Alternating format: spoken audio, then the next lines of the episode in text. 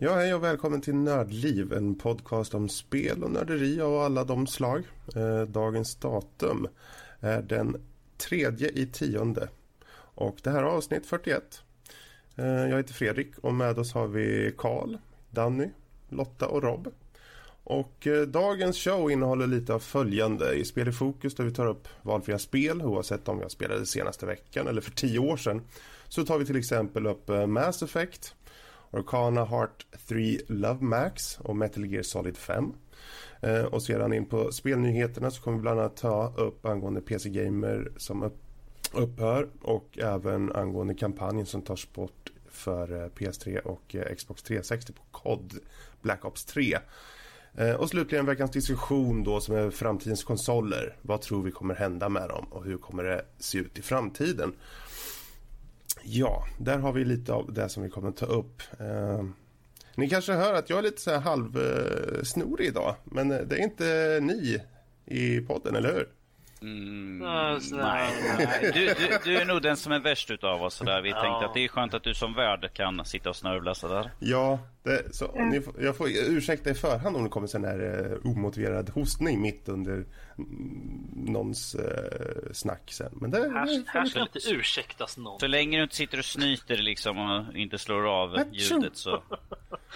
Ja, gisses. Och känner du en nysning komma på viktigt att stänga av micken också då. Mm. Ja, jag kan inte stänga av micken. Det går inte. Ah, du får uh, muta den då, jag vet inte. Det går inte heller. Men det är en helt annan diskussion. uh, nu tar vi hoppar in på just spel i fokus. Uh, alltså spel man har spelat eller bara önskar ta upp. Oavsett plattformar. Uh, och vi börjar med uh, Danny helt enkelt. Du har väl ingenting du vill tillföra, eller hur? Nej, jag har liksom spelat vidare på vad jag brukar spela och eh, spel som jag har för länge sedan spelat. Eh, bruk, har jag liksom nämnt i tror jag i tidigare podcast. Ja. Att, uh, uh, jag tänkte, jag tar, jag tar dig först så river vi av dig bara. Så här, du har inget så. Jag har ingenting. Som ett gammalt plåster. Vi drar av dig bara. Ja, lite mm. krispigt så. Nej. Ja. Mm. krispigt? Hur länge brukar dina plåster sitta på? Du vill inte veta. Du vill inte veta. Det är efter några omgångar i duschen sådär. Ja. Ja, skön effekt. Den bjuder jag på. Mm. Och med den effekten går jag över till Rob som ska prata om Mass Effect. Eller hur? Ja. Uh, alltså jag måste ju säga att Mass Effect är de där, är de där typen av... av eh, det är, man skulle nästan kunna säga att det är första spelet i, i den nya generationen av, av uh, västerländska RPG-spel i alla fall. Jag menar, det har ju funnits ganska många och sådär. Jag menar Bioware är, är, är, har ju haft lite i, i, den biten, den vevan innan. Så lite smått bara. Det var lite några smått. små, mm. Några småspel sådär. Coolt uh, de där små. Ja, precis.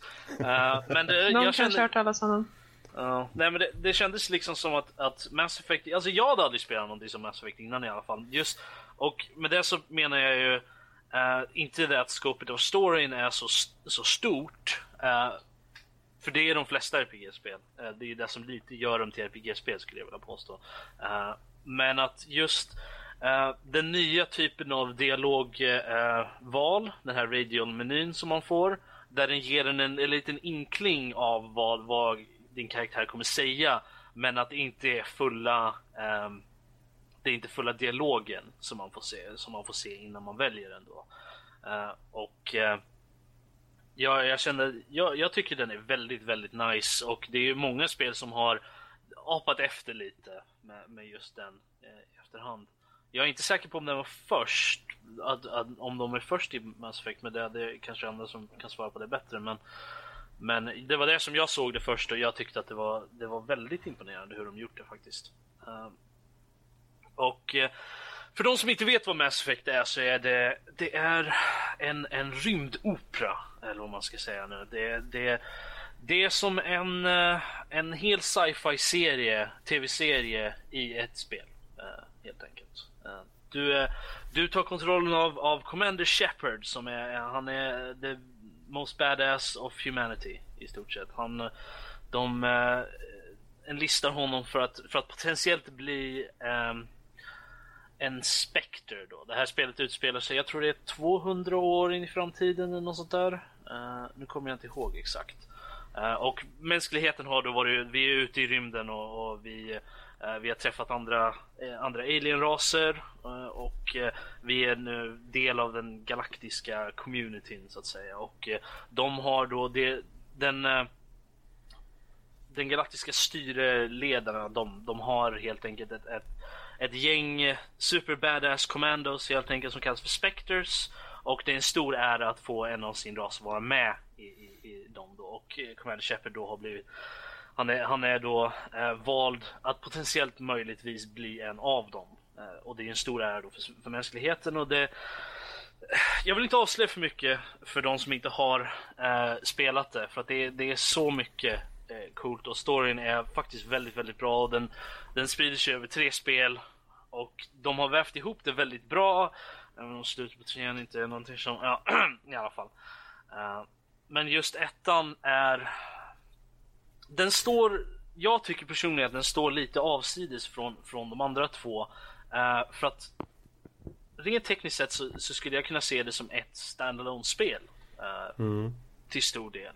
Du har en, en, en contained story med, med eh, the big bad guy i den liksom och det, det är väldigt eh, tamt om man jämför med de andra spelen eh, i, i den serien. Så, så att eh, det, och eh, de har ju lite unikt, det, det är ju väldigt RPG med, med inventory-system och sånt där sånt som de tog bort i de senare spelen men eh, men de har ju väldigt unika grejer och jag, det är svårt att beskriva Mass Effect eh, utan att utan att vara alldeles för ingående Eh, jag kan säga det att om man gillar RPG-spel, om man gillar sci-fi, eh, om man gillar en bra story eh, så är det definitivt någonting att plocka upp. Mm. Ja, och särskilt idag med tanke på att det har gått några år och man kan säkert hitta hela trilogin för ett bra pris liksom. Så, Ja, jag måste säga att grafiskt sett så mm, det, det har ju några år på nacken nu vid det här Mm. laget och det var väl kanske inte det snyggaste när det kom ut ens.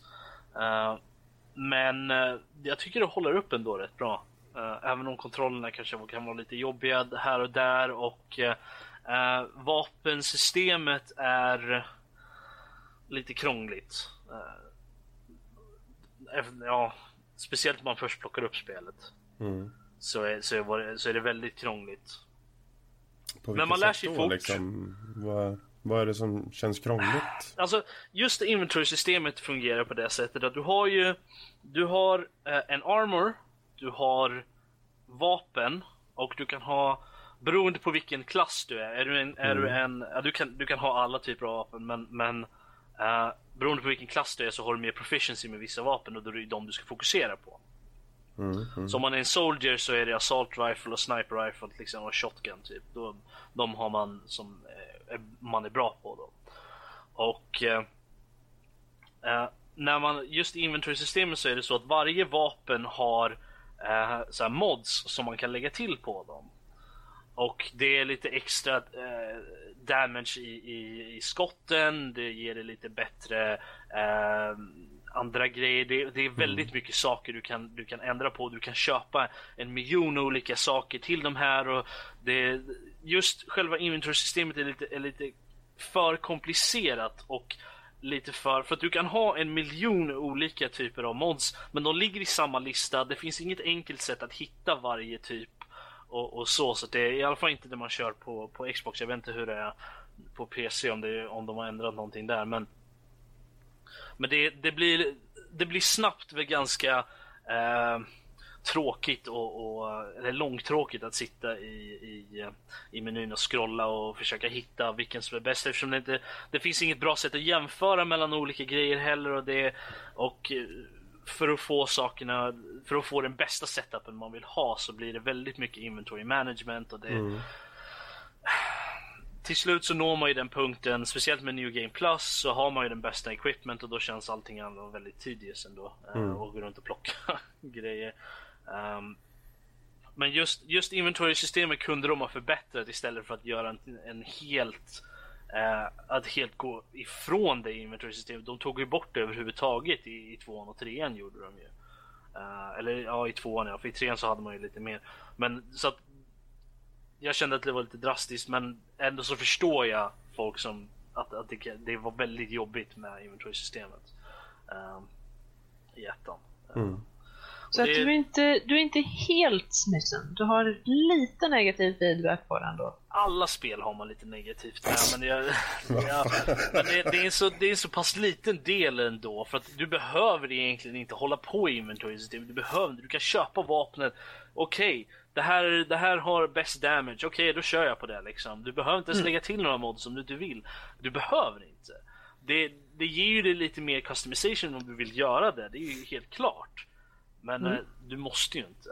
Eh, och du kan ju kör, kör man på IC eller normal liksom så, så, är det så är det inte så crucial heller. Mm. Det, det mesta det är ganska enkelt ändå. Eh, ja, mm. såvida, man inte, såvida man inte verkligen går in och försöker spöa en Thresher med, med, med din assault rifle. Det kan bli lite svårt. uh, men ja, men jag måste säga att det, Mass Effect har ju lite olika komponenter till sig. Du, dels så har du ju det att du har ju ditt skepp som du kan vandra omkring på. Du kan prata med dina, dina kompanjoner och lite sånt där. Mm. Och, Sen har du ju hela galaxen liksom. Du kan, du kan hoppa mellan system och du kan besöka planeter. Och, och vissa av dem kan du bara scanna. Eh, eller, ja det kan du inte. Vissa av dem kan du bara utforska. Du kan, du kan kolla på dem och se okej. Okay, och alla, i stort sett alla planeter har en liten sån här beskrivningsruta där de berättar lite om planeten. Och vilken gravitation den har, hur gammal, vad, hur långt en års eh,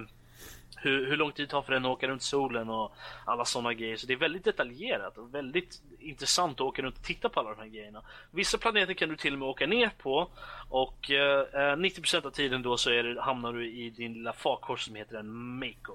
Och den är, det är lite som en, den är, jag tror den har sex hjul och den kan inte, det, det är nästan nästintill omöjligt att få den att ramla eh, på ryggen helt enkelt. Uh, och du kan åka nästan vertikalt på berg och grejer med den. Och den, cool. den, alltså, den är så frustrerande att åka runt med ibland men samtidigt så är det, saknar man den så jättemycket i, i, i de andra spelen när den inte är med.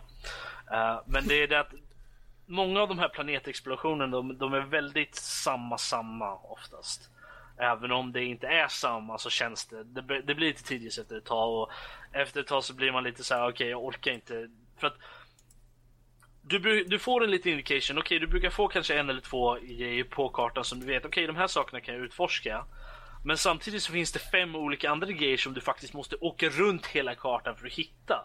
Och det finns inget lätt sätt att, att faktiskt lista ut det såvida man inte har en, en guide. Uh, som jag faktiskt, jag äger uh, official game guide den här så det är lite enklare.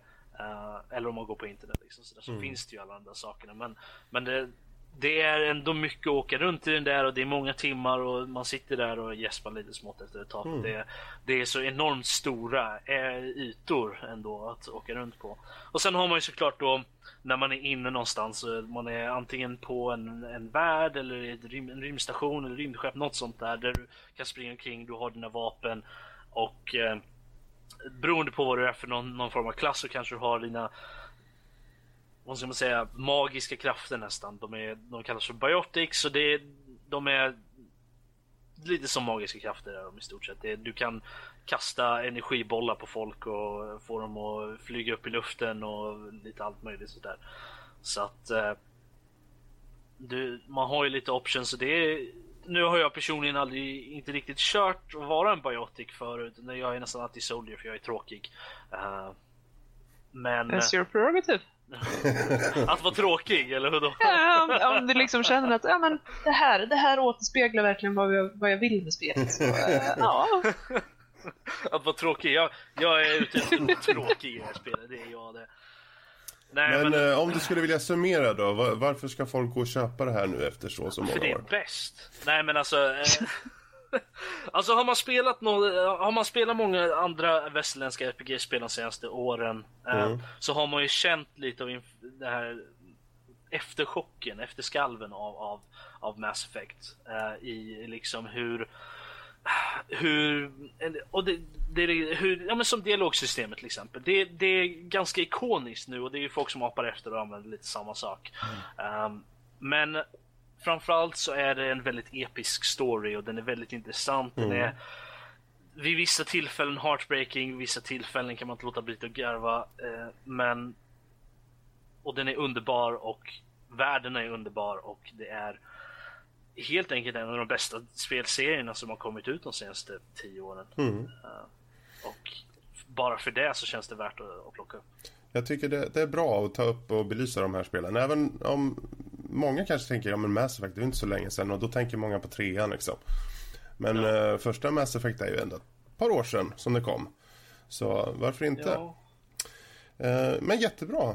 Eh, vi låter det bli sista ordet på Mass Effect och sen så hoppar vi över till lilla Lotta med eh, Arcana Heart 3 Love Max. Heter det så? Ja, ja det gör ju det. Vad är då det?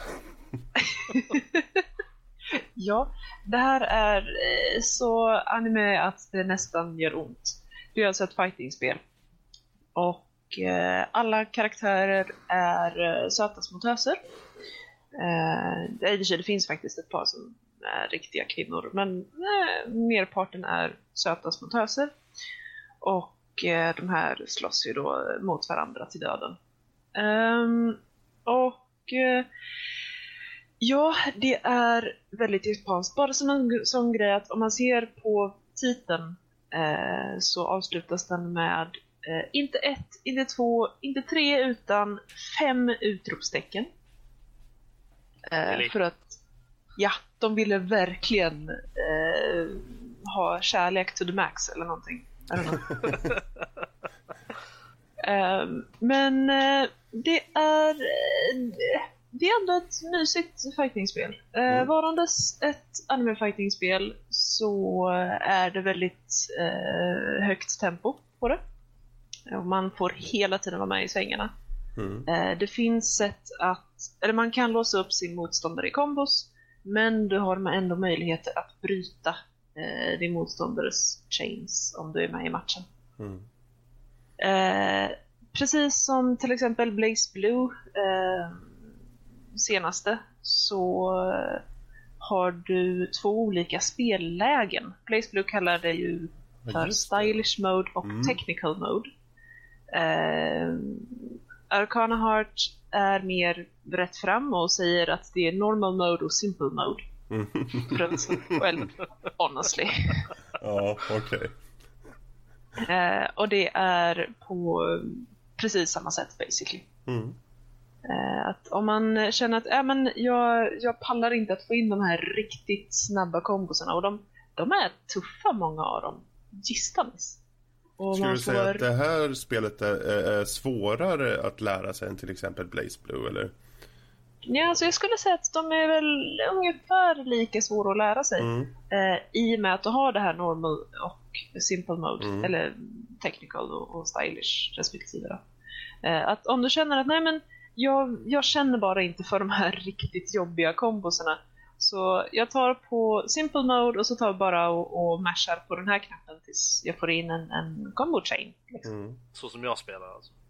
Mm, lite så. jag, har, jag har en väldigt viktig fråga här. Uh, Okej. Okay. Hur skimpiga blir, ut, blir outfitsen egentligen i det här spelet? De blir faktiskt inte särskilt skimpiga. Visst, du har ett par karaktärer eh, där det inte lämnas jättemycket åt fantasin. Men det går mer åt det här hållet med den, den söta japanska tösen eh, med så, fantastiska kurvor. Så fina outfits, mycket panty shots. Inte jättemycket panty shots. Det, det har varit det, något, det, det, det är ganska typiskt ändå känner jag.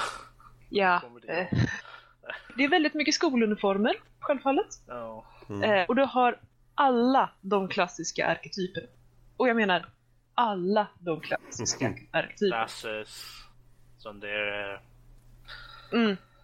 Du har... Pigtails. Eh, ja, yeah, of course. Du har till och med, eh, du vet den här söta lilla ninja-tjejen med någon form av djuröron.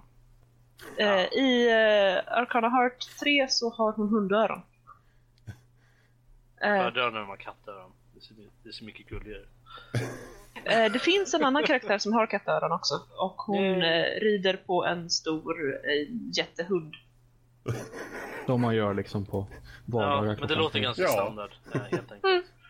Vad skulle du säga? Jag tänkte, förlåt, men jag tänkte bara om du tittar på det här spelet och sen finns det ju massor med andra liksom anime fightingspel.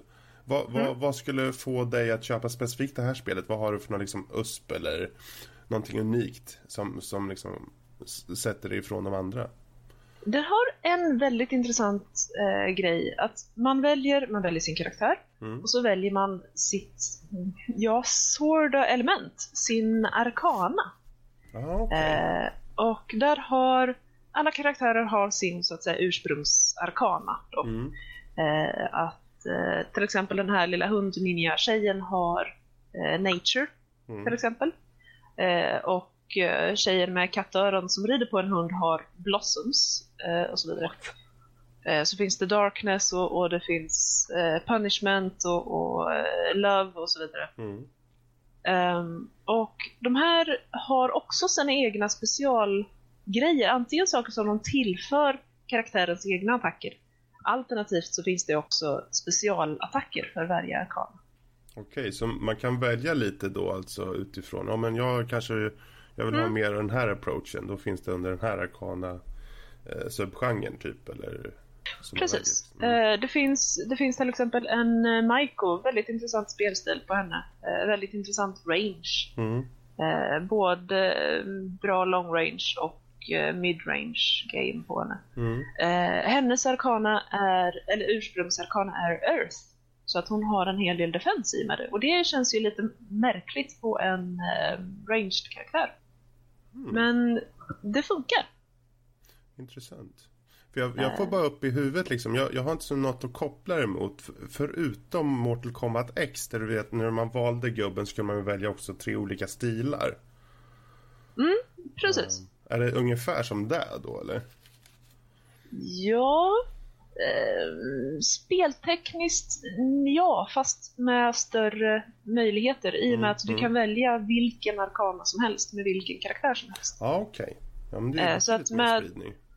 Jo, precis. Så att med den här eh, Maiko-flickan kan jag till exempel ta eh, Darkness-arkanan och få bland annat då en liten... ja, det- såg ut att vara någon form av dot på mina attacker. Mm. Ehm, istället för då ökat defense. Mm.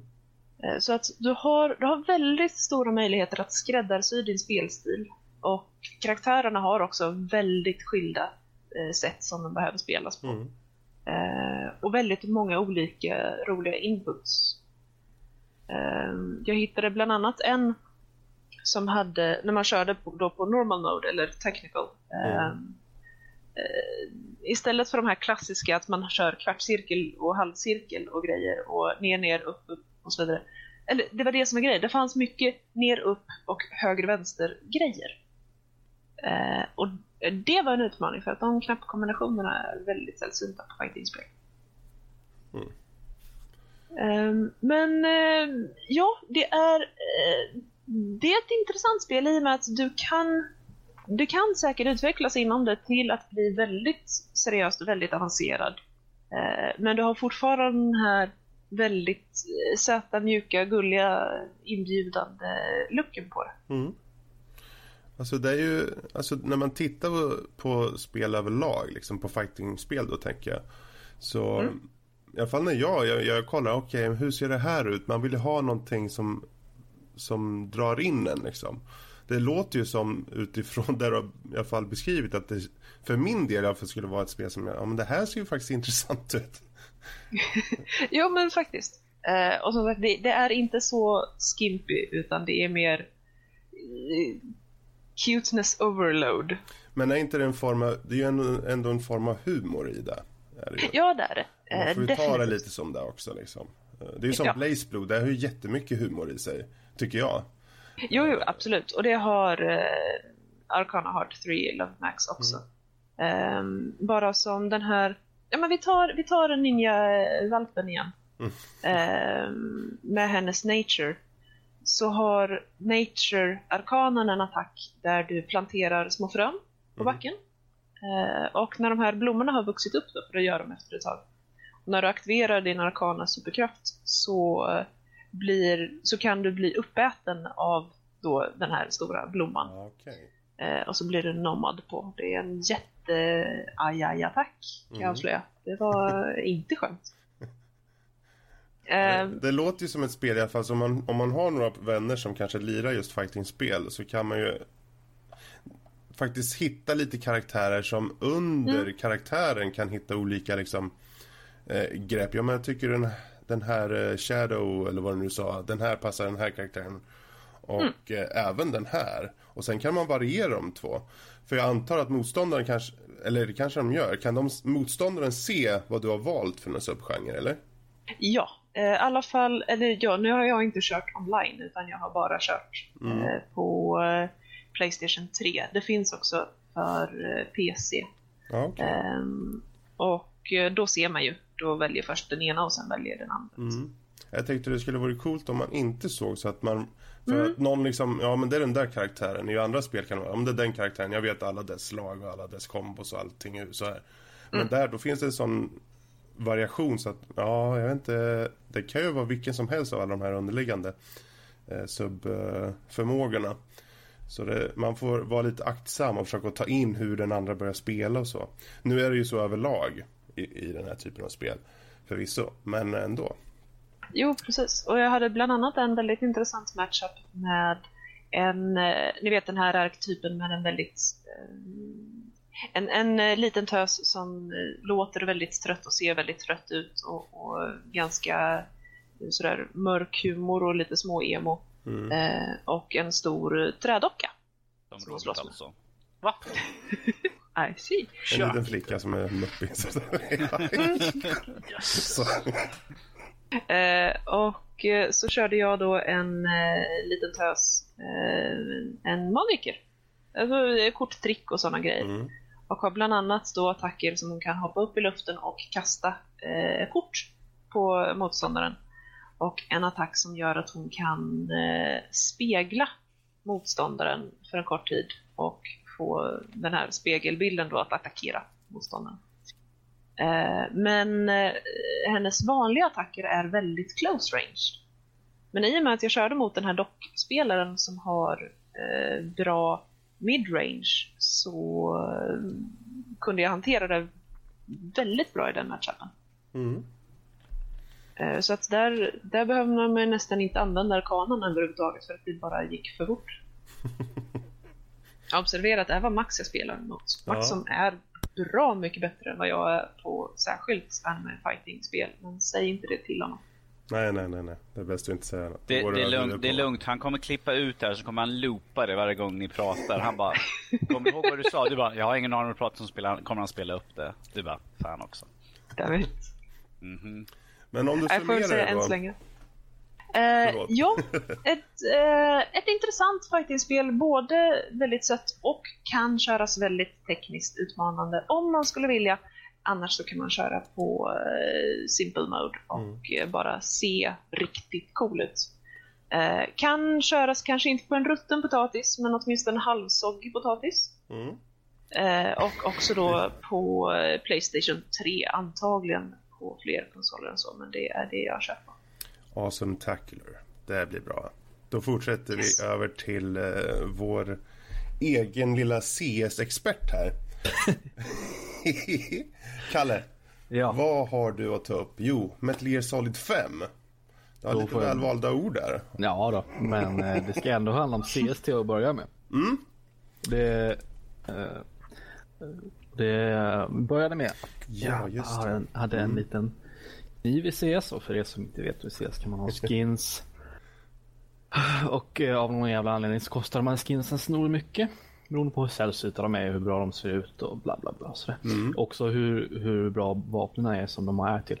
Det var faktiskt inte för så länge sedan så snurrade de ett vapen. Och då sjönk priserna på skinsen.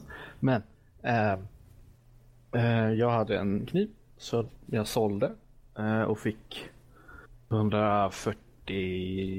145, låt oss säga, 143 euro tror jag det var. Mm. på, på Steam Market. Och sen av detta då, 143 euro, då köpte jag då Metal Gear Solid 5. Eh, så det är så här, eh, ja visst. Det, eh, Pengarna ligger där bara. Du måste köpa någonting för ja, ja, men jag, jag ville ju köpa Gear Ja. 5. Så, ja. Men det var ändå så här, lite konstigt bara sälja en skin på ett spel, kan köpa Eh, Men det är väl inte så ovanligt ändå med just det här att priserna är ganska höga numera. Eller kan bli höga på, på skins. Särskilt inom CS-scenen där. Ja, precis. CS är väl det bästa exemplet. Men jag vet att TF2 har också lite mm. sådana skins.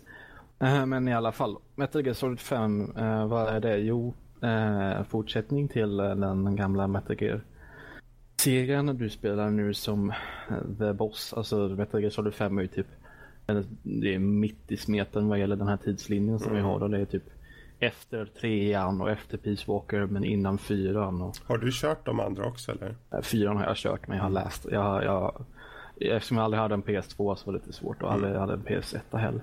Så du är Wikipedia-expert helt enkelt? Precis. Men jag hade en PS3 och då körde jag fyran. Mm. Eh, men eh, spelet utspelar sig i, mitt i det eh, afghan-sovjetiska kriget så du mm, ploppar ner där någonstans och sen så ska du härja med alla sovjetiska trupper mer eller mindre. Det är väl det som spelet i huvudsak går, ut på. Att mm. du, du eh, nu måste jag backa bandet lite. De släppte ju Ground Zeroes förra året. Mm. Och eh, där, vad som hände där är att du, en karaktärernas bas blev attackerad och så hamnar man i koma i nio år. Nu vaknar man upp och nu vill man alltså få hämnd och sen så ska man då eh, bygga upp sin bas igen. Mm. Och det gör man genom att ge ut, alltså göra uppdrag åt andra människor. Det gör man då i, i Afghanistan. Mm. I huvudsak. Eh, och eh, vad ska jag ta nu? Eh, ja, kan gå in på mina punkter som jag har här. Mm. Eh, tar väl nackdelarna först. Och det som, precis som i GTA 5 så har jag PC-relaterade problem. Jag kan inte riktigt prata för konsolerna då. Men UI, eh, alltså alla menyer och allt sånt där, de är inte alls anpassade på PC på något sätt. Du har inte ens någon muspekare. Eh, alltså, mm. Utan du får bläddra runt med piltangenterna. Eller scroll går också bra. Uh, och sen klicka det fram då. Som, precis som du skulle gjort på konsol. Um, kontrollerna igen är också lite dåligt inställd. Alltså ska man säga, optimerade för PC. Um, ehm, ibland så faller det på tangentbordet för att det skulle funka uh, bra med vissa, att göra vissa grejer. Uh, till exempel så uh, om man ska förhöra någon så ska man klicka på, först hålla dem i, i strypgrepp då. Ska man klicka på Q och sen ska man välja ett alternativ. Man kan alltid säga ja, vad är dina eller kamrater säga så ska man säga spit it out och så ska de ge någon, någon slags grej. Mm. Säga någonting, vad någonting är eller vad någon fånge är eller man, ska, man kan hitta ritningar också till exempel. Och det är lite krångligt med fingrarna man kan det, det, det funkar inte riktigt jättebra. Alltså, det märks att det är liksom lite direkt överfört från en konsol. Likadant när man ska zooma med sin kikare så klickar man på F. Antingen scrollar man men jag finner att det är alldeles för långsamt. Så antingen då ska man, håller man i F och sen så kan man trycka på V för att byta mellan tre lägen då. Mm. Eller trycka på V för att byta mellan lägena och det funkar inte riktigt jättebra tycker jag för att tummen är inte riktigt då är space i vägen och så då, får, då finner jag liksom att det, man får liksom spela dansa tango med fingrarna. Mm. Vad man ska säga. Uh, så här är nästa punkt jag har lite, den är lite, så här, lite personlig. Jag anser att storyn är den är så jättekonstig ibland och ingenting saker, eh, alltså det är väl det man, folk älskar med Metal Gear Solid antar jag. Men jag tycker att den är, den är jättekonstig och förvirrande. Jag vet inte om tanken var att serien skulle hålla på så här länge eller om de liksom bara är tvungna att bara liksom vika på ännu mer grejer liksom hela tiden. Jag, alltså jag, ibland så så Kojima sa ju efter typ varje spel att det här var sista spelet i ja. serien. Eh, vad jag fattar som. Eh, så det känns ju lite som efterkonstruktioner då. Mm. Ja. Eh, ska vi se här. Eh, men om man, om man bara ser vad som händer i själva spelet då handlar det om liksom en, en hämnd. Mm. Story att man då ska bygga upp sin bas och hämnas mot dem som, som eh, förstör ens bas och det är mm. i, i Ground Zeroes. Uh, Körde du Ground Zeroes också? Eller? Ja, det har jag också spelat. Um, Skulle du säga så, att kontrollerna är likadana uh, i Ground ja, Zeroes? Mot, ja, de är, finns, det finns nog ingen sak som skiljer där. Okay. Så där Nej, för det, jag, köp, jag köpte Ground Zeroes till, till Steam och körde. Uh, men jag tyckte också att kontrollerna var lite så här... Mm. Jättejobbigt. Alltså det, det, det, det, togs, det tar tid. Man måste ju lära sig på något sätt. Liksom. Ja, givetvis. Så är, så är det ju med alla uh, nya spel. Men fortfarande, jag tycker att de... Dock ska jag säga det att det går att ändra på alla, mm. alla knappar. Så det, det är också Däremot så fick jag, jag har ju Playstation 4 och då fick vi ju Ground Zeroes på Playstation Plus. När man får mm. så här gratis spel. Så jag körde den där med handkontroll. Det var också väldigt så här, hmm, varför gör den så och varför gör den knappen så? Mm. Så det, det, här med kon varit, konstiga kontroller, på, det verkar vara någonting som Kojima verkar mm. haft med minns, sig. Det minns jag nu när du säger det från uh, fyran, att det var också lite skumma grejer med kontrollerna. Mm. Uh, och sen så en sak som jag absolut avskyr som händer i det här spelet, alltså där Hideo Kojima han får liksom skärpa till sig och, och släppa sin artistiska version här lite grann. Varje storyuppdrag är liksom lite uppbyggt som ett jag vet inte vad han har tänkt här men alltså det börjar med lite credits varje gång. Mm. Så det står här starring Punished Venom Snake vilket är den man spelar som. Och, sen, och då varje ja, uppdrag? varje uppdrag. Okay. vad som händer då är att du ser vad som du, du liksom får information om vad som kommer hända i uppdraget. Så det, jag har börjat med att jag bara blundar hela öppningssekvensen för att det, allt som händer är att du bara åker in med helikopter och släpps av. Så att det händer liksom inget speciellt så. Men det liksom står uh, featuring de här karaktärerna bla bla bla bla bla. Mm. Vilket liksom avslöjar vad som kommer hända sen i uppdraget. Vilket jag förstår inte alls. Vad är poängen liksom? Du bara mm. liksom förstör uppdraget lite grann. Det låter väldigt konstigt. Det, ja. det låter nästan som om man nästan skulle ha små snapshots redan i början av saker som händer senare. Vilket i och för sig, nu när jag tänker efter, inte är... Det är, inte, det är, det är väldigt annorlunda, men det är inte någonting man inte har sett förut. Uh, jag kan inte direkt på rak arm säga vad det är för något jag har sett i, men jag tror det var något spel faktiskt där, där i början på vissa ställen så fick man alltså några snabba snapshots av grejer som kommer hända mm. senare uh, i, i, små cutscenes som kommer. Mm. Uh, så att man får ju liksom en liten inkling av, av vad som kommer hända. Mm. Men att rent ut sagt avslöja vilka karaktärer som kommer vara med, det känns lite så här, det är nästan som en tv-serie där man ser, okej, okay, ja men den här skådisen är med här i, i, i liksom i, i credits-grejerna som dyker upp efter intro-sekvensen liksom. Mm. Så man vet ju liksom, ja men det där kommer att hända liksom. Så det låter väldigt udda och inför varje, inför varje mission också, det, det känns väldigt Ja. Mm -hmm. Och då likadant så slutar man varje uppdrag med att den liksom, ja, man flyger därifrån på med helikoptern och så spelar den liksom upp, ja, starring, bla bla bla bla. bla. Det är en sak jag absolut inte i, alltså nej. Skärpning liksom. Med tanke på att det, det är väl en jävla massa uppdrag i det där spelet? Ja, eh, jag har typ eh, tagit mig igenom typ så 12 storyuppdrag. Eh, och det finns, ja, för mig det finns typ 40-50 stycken. Eh, men jag är sån som, jag har eh, gjort varenda eh, sidouppdrag också hittills om vad som brukar hända är att man gör ett eh, storyuppdrag och så slås några nya, upp, nya sidouppdrag upp och så gör man dem. Och sen så när jag är färdig med dem så går jag till nästa eh, storyuppdrag. Men mm.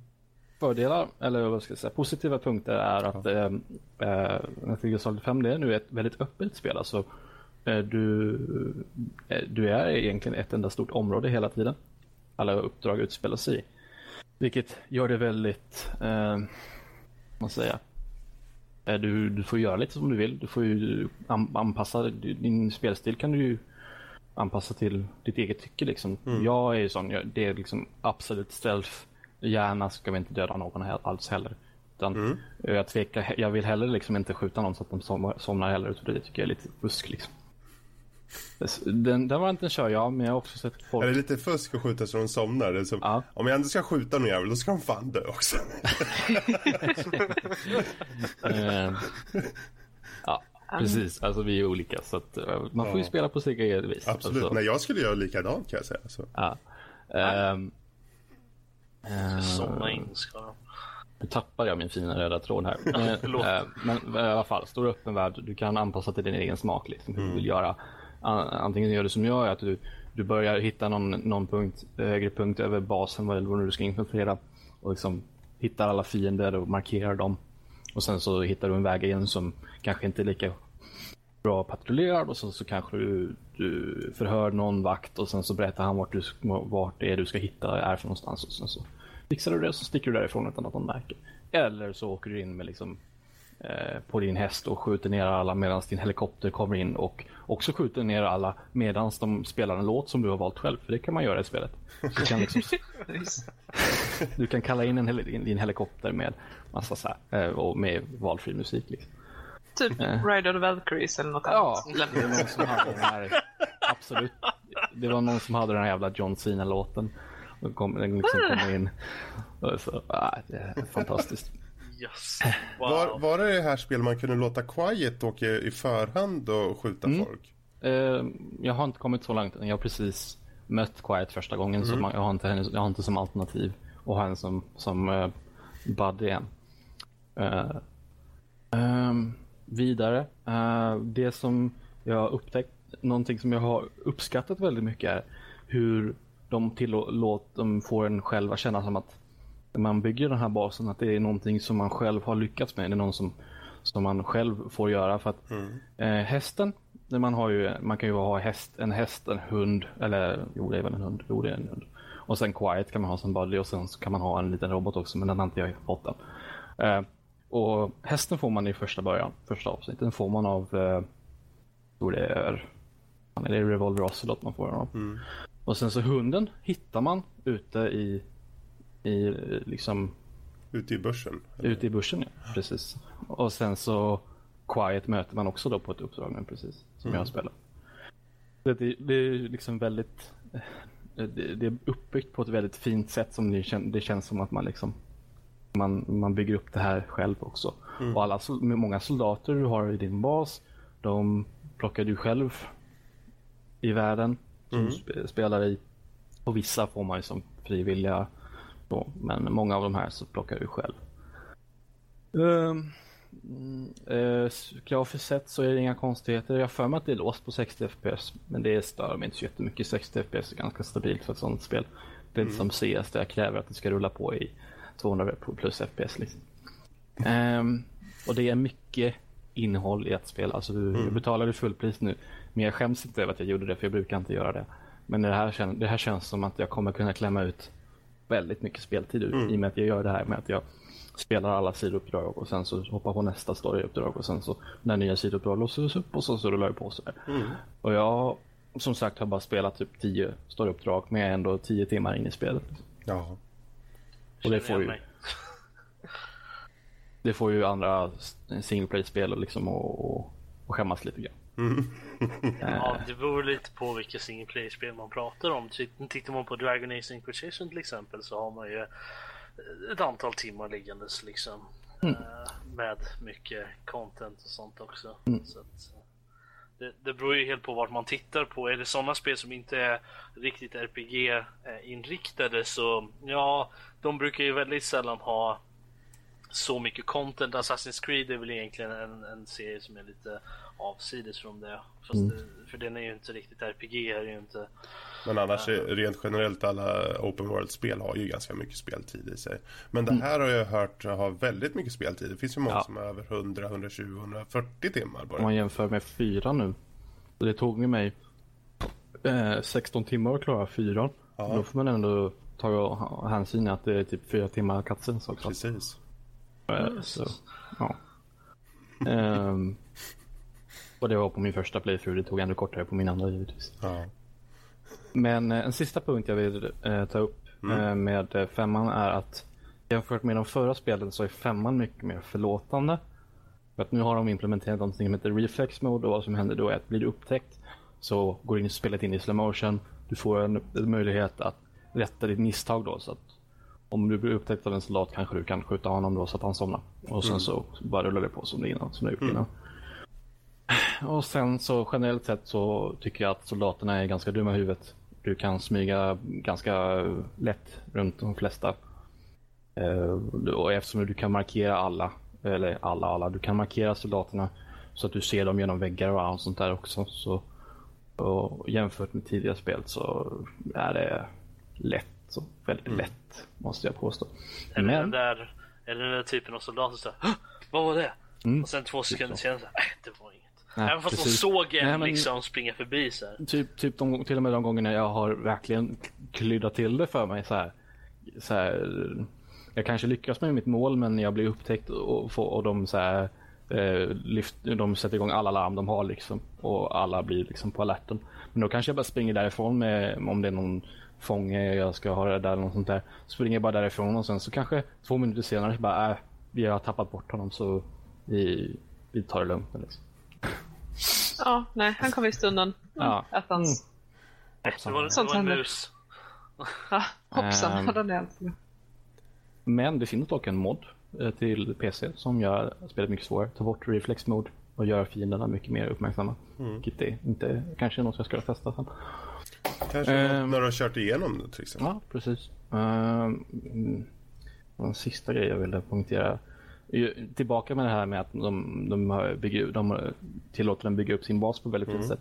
I början av spelet så ehm, det här gäller oss bara för oss som inte förstår ryska då. Men eh, innan så, så kan man inte läsa ryska dokument och man förstår då inte vad de ryska soldaterna säger. Men sen kan man kidnappa en soldat som kan både ryska och engelska och sen så kommer han då efteråt översätta allting åt den så då kan man läsa ryska dokument och sen då också förstå vad de ryska soldaterna säger med hjälp av subtitles då. Coolt. Praktiskt. Det tycker jag är, det är så här jättecool grej och det, är, det gäller andra coolt. språk också. Det var en Det, cool det är ju kul när de för in liksom, det, även om det är en detalj i mångt och mycket, så är det en detalj som berikar spelet liksom. Ja, precis. Och särskilt, alltså jag är ju rätt mycket av en språknörd. Att ha faktisk ryska. Så att om du kan ryska IRL så eh, klarar du dig alltså utan den här killen. När du, grej tycker jag. när du säger det, det, det är bra att de har en, en, en ordentlig anledning till varför du lär dig det. Så det inte är som i, i början på den trettonde krigaren, filmen som är jättegammal nu, här, när han bara sitter Mm. och lyssnar på båten och helt plötsligt så kan han, förstår han språket och de pratar helt plötsligt engelska liksom. Ja, det är liksom, det är... Ja, jag tycker de gör det snyggt i den. Mm. Det här att man, Really? först så är det några ord här och vad som tycker aha! Jo, jo, men jag, jag, jag finner det lite bortom liksom suspension of disbelief att han bara helt plötsligt under en båtresa kan lära sig ett språk liksom sådär. Nej, Mm. Ja, oj, han är väldigt duktig på att lyssna. men de, de har ju det, de har ju börjat införa det i många spel nu. Är det Mm. så att de har ett annat språk så brukar det oftast finnas en plausible explanation till varför den här personen lär sig det eller i efterhand så, så att eh, det, det, det dyker ju upp i alla fall. Så det verkar ju som folk fattar att vi vill. Det har de ju i filmer också nu för tiden. Liksom att ja, men nu har vi faktiskt faktiska personer som pratar det faktiska språket snarare än att de helt plötsligt bara snackar engelska. Av någon anledning. Mm. Ja, men eh, om du summerar upp det lite grann då. Um, som helhet så gillar jag definitivt Metal Gear Solid 5. Mm. Alltså eh, gameplay är väldigt mysigt. Jag gillar typ den typen av spel. Mm. Ja, den, på, den påminner också om, om tidigare spel så de har liksom inte gått ifrån formulan ganska mycket. Mm. Storyn, jag kanske värmer upp för storyn lite senare, jag vet inte. Än så länge så jag bara, speciellt intro, eh, första uppdraget är liksom en till ett timme långt intro. Mm. Och jag bara satt där och bara skakade på huvudet. Bara, vad fan är detta för någonting jag orkar? Nej. Jag tänker inte spoila någonting heller för då förstör man lite för alla, alla Absolut. andra liksom. Eh, Men det är liksom bara, åh, jag orkar. Alltså fan Kojima måste ju hålla på så här. Ouch. Du kan ju Ja. återkomma med, med eh, just för story, din, åsikt när du är klar med hela skiten Mm. i så fall. Um. Eh, Men det är ett väldigt eh, noggrant skapat spel. Alltså det är, det är bra detaljerat, alltså det är som sagt mycket att göra och det, det märks ändå att de, de är ja nu hittar jag inte riktigt orden här men det- är ändå riktigt bra än så länge. Alltså som sagt det är tio timmar in men jag tycker ändå att det är, liksom, är tillräckligt för att ge själva ett, eh, eh, några ord om, om gameplay-delen då. Ja, men Eh. absolut. Så att än så länge så är det definitivt rekommendation från min sida. Det är det jag säger. Jättebra. Då, får- då får vi se fram emot när du kommer tillbaka här om Ja, en vecka. ehm. där du helt vänder din åsikt. Han, kom, han kommer in och bara, fy fan köp inte jävla skit. Ja. och sen en, sak, en till sak jag vill bara poängtera med just med Kojimas artistiska vision här, eh, vision, är att Han, han, blev- man kan tro att det är JJ Abrams som har regisserat spelet ibland för att de älskar len- lens flares nu för tiden. Jaha, ja. Så fort man ser liksom en jävla ljuskälla så är det liksom bara hela skärmen blir alldeles vit och det är bara så liksom. Det kommer aldrig bli lika illa som Mass Effect, jag lovar dig. Mm. Eh, Men det det, det är tack vare den nya motorn för de har ju en ny, spel, ny fin motor som de har till det här spelet. Precis. Eh, som, så det gör alla ljuskällor bli extra starka och man bara Mm. Men då vet du vad du kan göra i alla fall med dina polare om de sitter och tittar på när du spelar. Du kan ha ett drinking game, så varje gång det dyker upp en lens flare så tar man en shot. Oh jävlar. Oh my. Tio minuter in, alla sitter bara... Ingen alkoholhets här nu. Metal Gear Solid 5, The Drinking Game. Ja, Men där låter vi runda av just för Ja. spel i fokus. Uh, jättekul, bra samling av spel och vi låter det som sagt bli sista ordet inför nästa segment.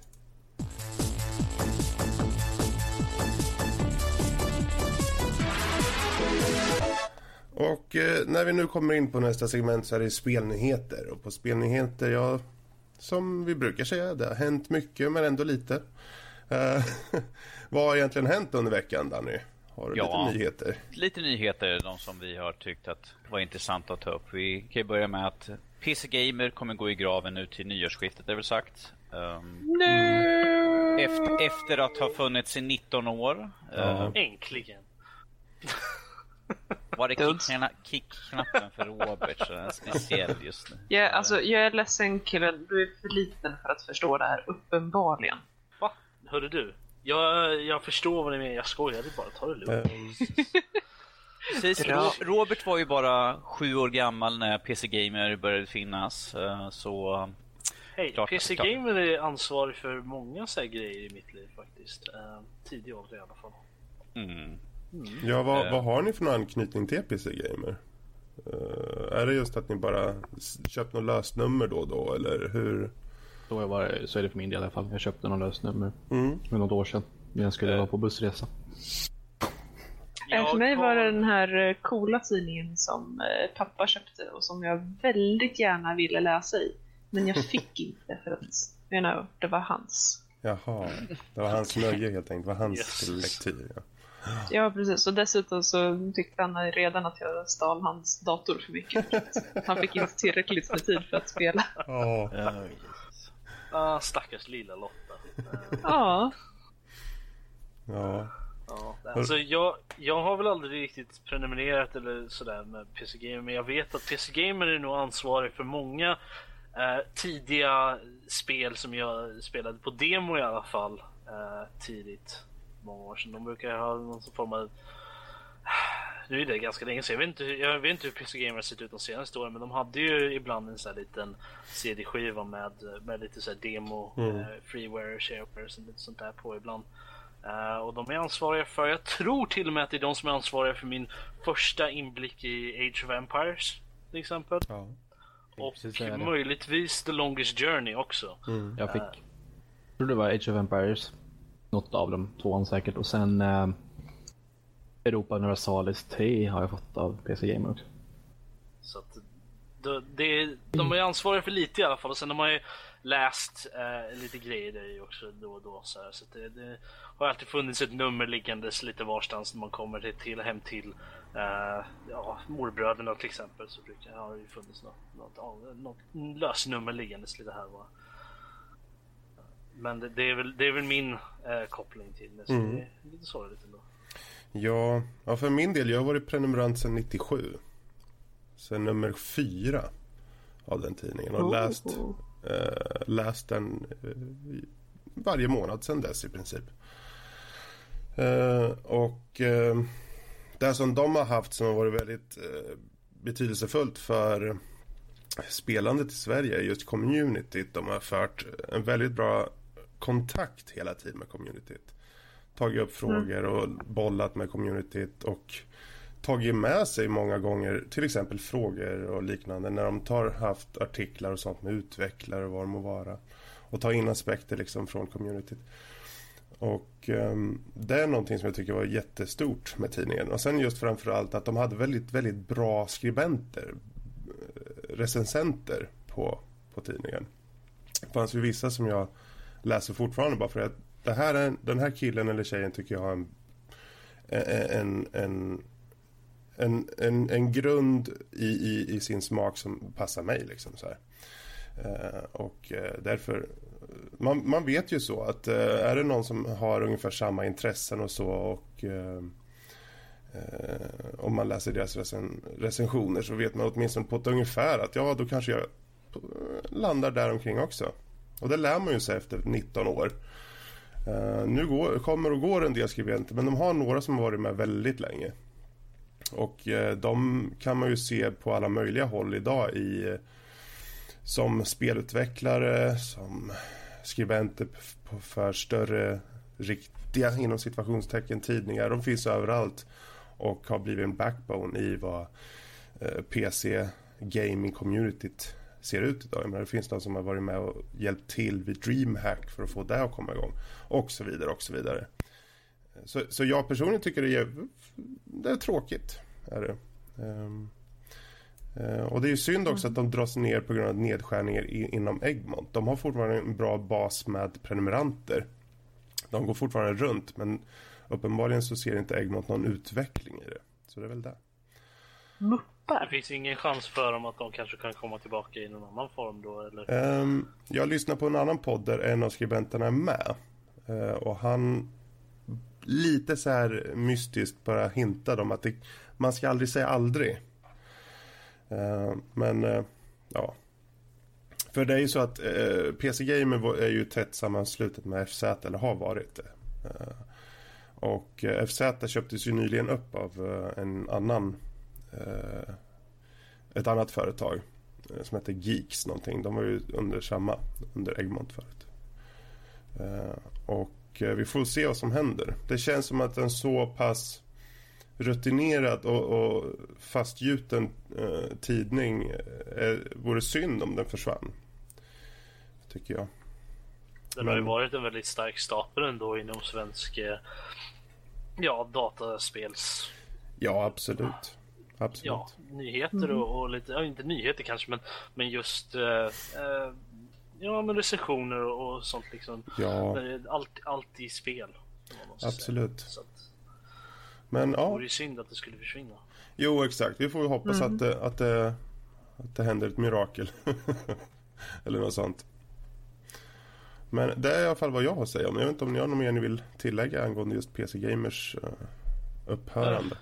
Tycker det är synd. Nu, nu, kan, nu kan inte jag när jag kommer över till dig ifall du springer iväg och går på bråk. Men nu kan man inte ta en tidning längre. Så jag sätter hmm, kan vi läsa någonting? Fredrik kan inte läsa. Nu kan jag läsa Du kan väl visst ta dem. Jag har ju alla här i hyllan. Du bara tar ja, från vilket år du vill.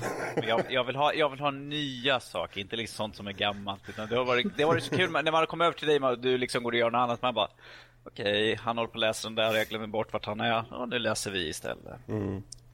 Alltså jag förstår inte riktigt varför de inte satsar mer på att ta tidningen och göra den elektronisk. För att, jag menar, det är ändå PC-gamer. Jag tror att det är ganska många av den målgruppen som har en dator.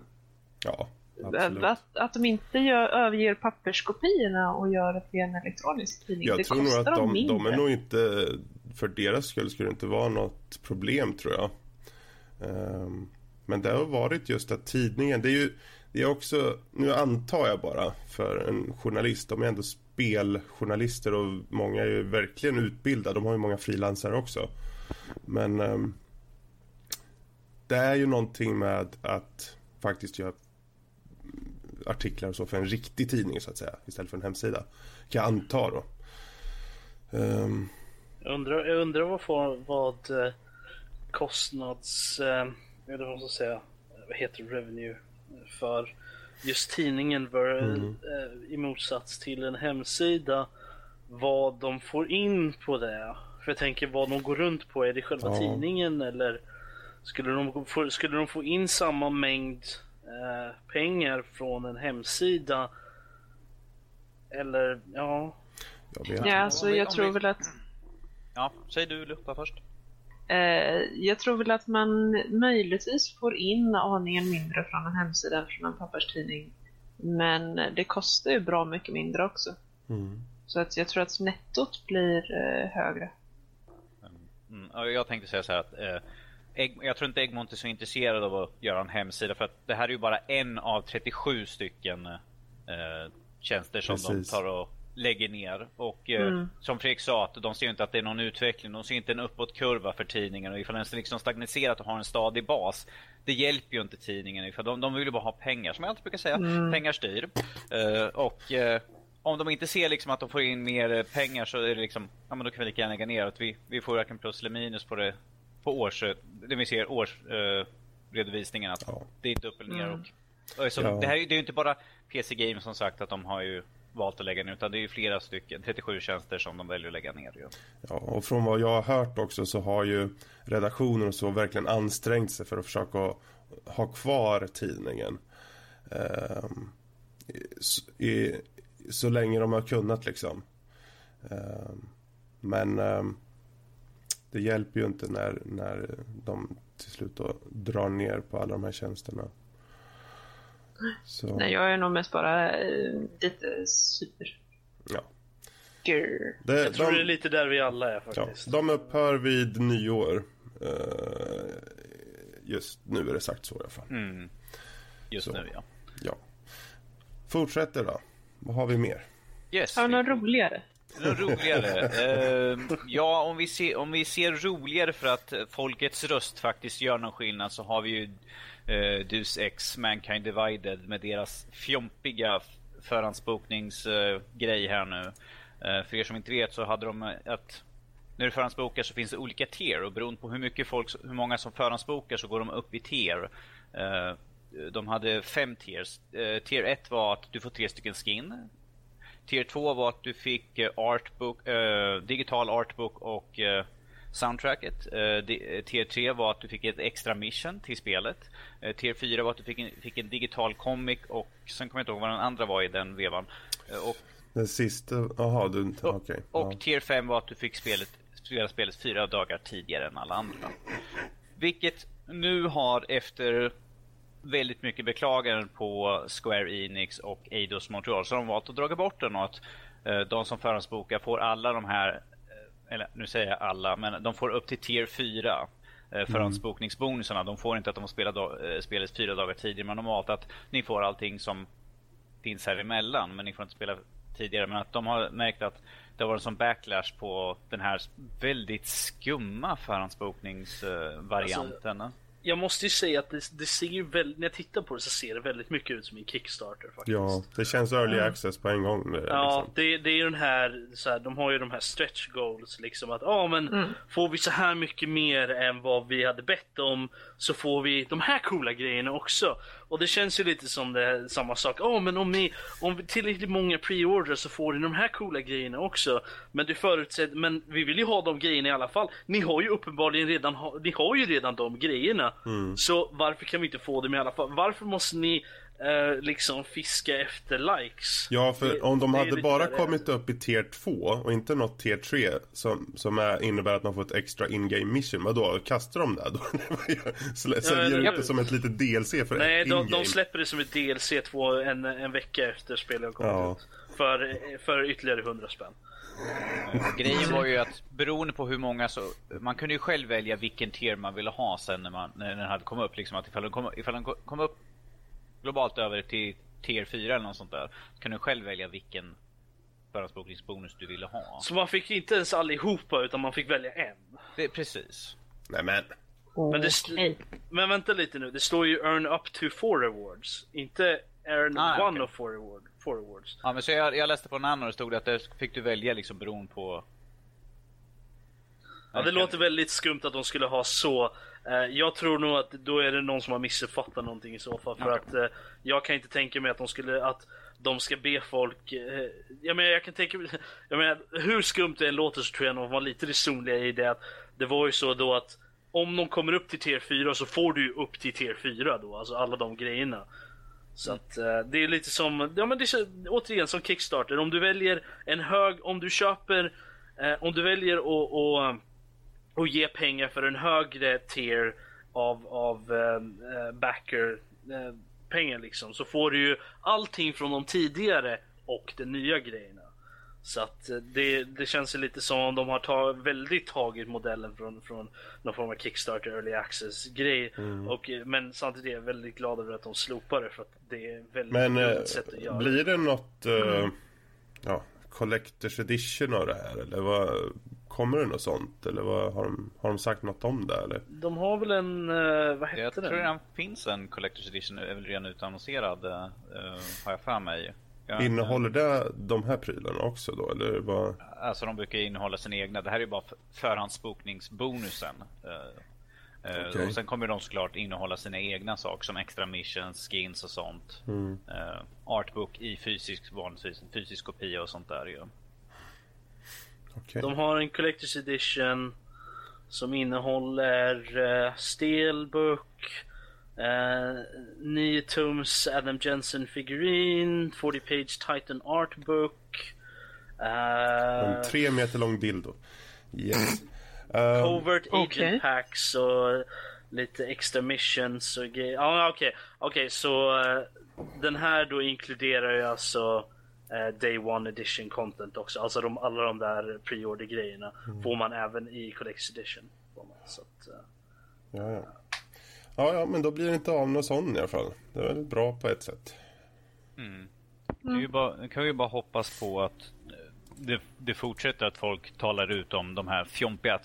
Det här är ju någonting som är lite tröttsamt med förhandsbokningar. Att förhandsboka hos oss, då får du de här delserna. Förhandsboka hos oss, får du de här delserna. Och i det här fallet så mm. har ju det här liksom blivit nedskjutet ganska radikalt. För, för folk har verkligen sagt sitt här. Ja, de och vill det är inte ju... ha sådana dumheter. Det är ju skönt faktiskt att folk ryter till. Och eh, att det ger effekt. Och här ser vi tydligt att det ger effekt. Framförallt. Eh, även för det är ju många som tycker förhandsbokning överlag är någonting som ska slopas. Uh, och det är ju samma sak där. Alla som säger ja men det här, varför, det här var ju bara skit. Ja men vad fan förhandsbokar du för din jävla nöt?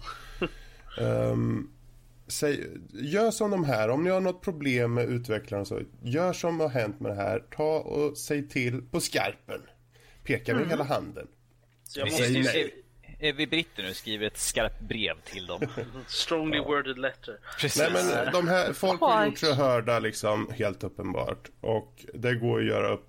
Då, på alla medium som finns så uppmanar i alla fall jag folk mm. att säg vad ni tycker så att folk eller utvecklare hör så vi slipper massa skit. Men det här, är, det här är ju återigen ett stort bevis på att spelutvecklare faktiskt börjar lyssna på på, uh, på spelare och folk liksom här, på, på sina fans mer och mer. Uh, och det har vi ju pratat om tidigare. Men uh, som sagt, det här är ytterligare ett bevis på att de faktiskt mm. börjar göra det. Att det, det mm. vad vi säger faktiskt spelar någon roll. så att det, det, är ju trevligt att se att vi har en effekt även om ja, den kanske inte alltid är så stor men något som det här. Det, det är ju värt, som, som, du säger Fredrik, det är ju värt att, att tala upp även om, om, om det är någonting man känner som, som inte är rätt. Ja. Uh, men sen så håller jag med om att jag tycker att um, det här med att man ska ha olika pre-order uh, grejer för olika konsoler och skit och sånt där och olika DLC och sånt där, det, det tycker jag är totalt värdelöst och jätteidiotiskt. Um, mest bara för att det finns ju ingen möjlighet att man kan få allting då. Och sånt blir jag arg över.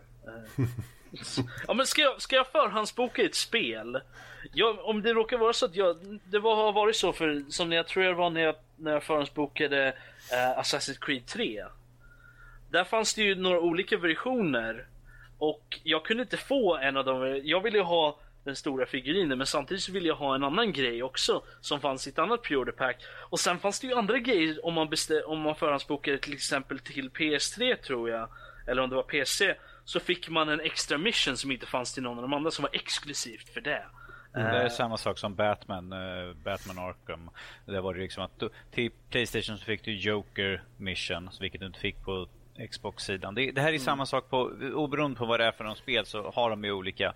Alltså, det ska vara exklusivt för att de ska locka till sig. Ja, ja, och framförallt så utvecklarna ser ju bara fördelar i det. För om det är folk som är samlare mm. som är så här, ja men jag måste ha det där. Då de vet att folk köper det. Och det finns folk som köper säg att de sitter med en PC men de köper fan med PS4 och Xbox One-versioner också. Bara för att de vill ha dem.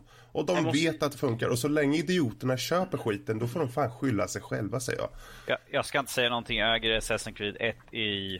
Nej, Assassin's Creed 2 i, i PC och 360-versionen för att det var olika Om vi inte fick med. slutar köpa skiten så kommer de inte sluta med. Så enkelt är det. Nej, jag tycker att det är väldigt löjligt. Alltså, så varför kan vi inte bara ha så att okej, s- de har ju gjort så på några, några exklusiviteter som de nu har köpt in, som, som, som Tomb Raider till exempel. Den nya Tomb Raider kommer ju till, eh, till 360 och Xbox One. Mm. Det finns inga andra. Ehm, det är exklusivt till dem.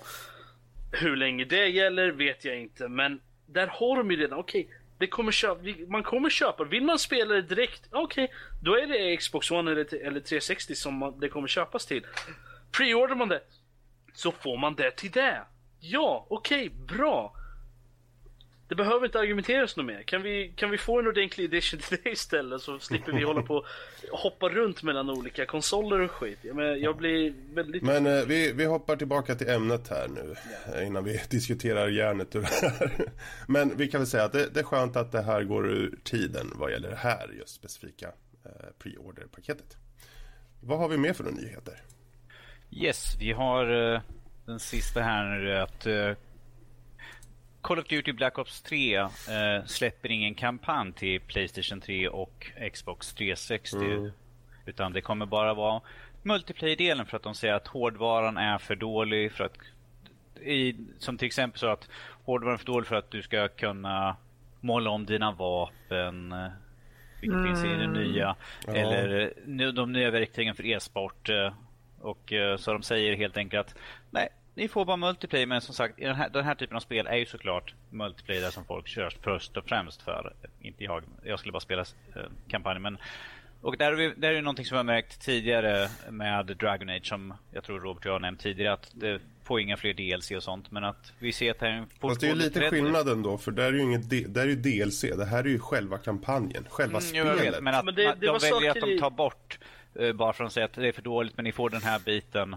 Men det, de, de, Till- gjorde till det med gamla Dragon Age generationen, Inquisition också, Danny. Gjorde. De, de, de tog bort grejer i, i 360 och PS3-versioner för... Eh, nu, de enda sakerna jag vet med säkerhet att de har tagit bort är eh, några customization-grejer för eh, när man gör sin character creation i början. Eh, R, till exempel Scars och sådana grejer finns inte med i eh, 360 och PS3-versionen. Men finns i PS, eh, eh, PS4, till Xbox One och PC-versionerna. Eh, för jag har sett det innan. Det, jag tror det är några andra grejer också som har tagit bort som inte finns med i, i eh, de eh, last gen eh, versionerna av spelet. Så att det är inte första gången. Nej, Eh, och det kommer inte vara sista heller. För, eh, men det är just det, här, de tar bort kampanjen. Vi får se vilka andra spel till dem som kommer eh, snart som de gör det här med. Det här är de stora spelen nu som vi ser det först och främst på. Som Call of Duty, alltså de här riktiga mastodontspelen som säljs varje år liksom. Är det någon som har hört någonting om uh, nya Tomb Raider-spelet? Det kommer ju släppas till 360 också. Som sagt. Eh, någon som har hört någonting om att det kommer också få saker borttagna?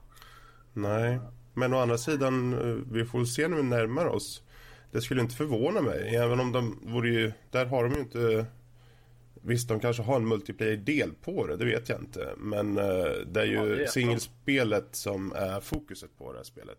Jo.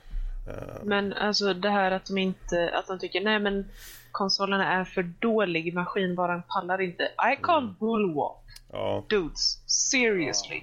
Men, men man har ju även sett det om man tittar på återigen eh, Dragon Age Inquisition, Inquisition här så märker man jag, jag kollar på min eh, en, en polare, hon äger det till PC och jag har suttit och tittat på när hon har spelat.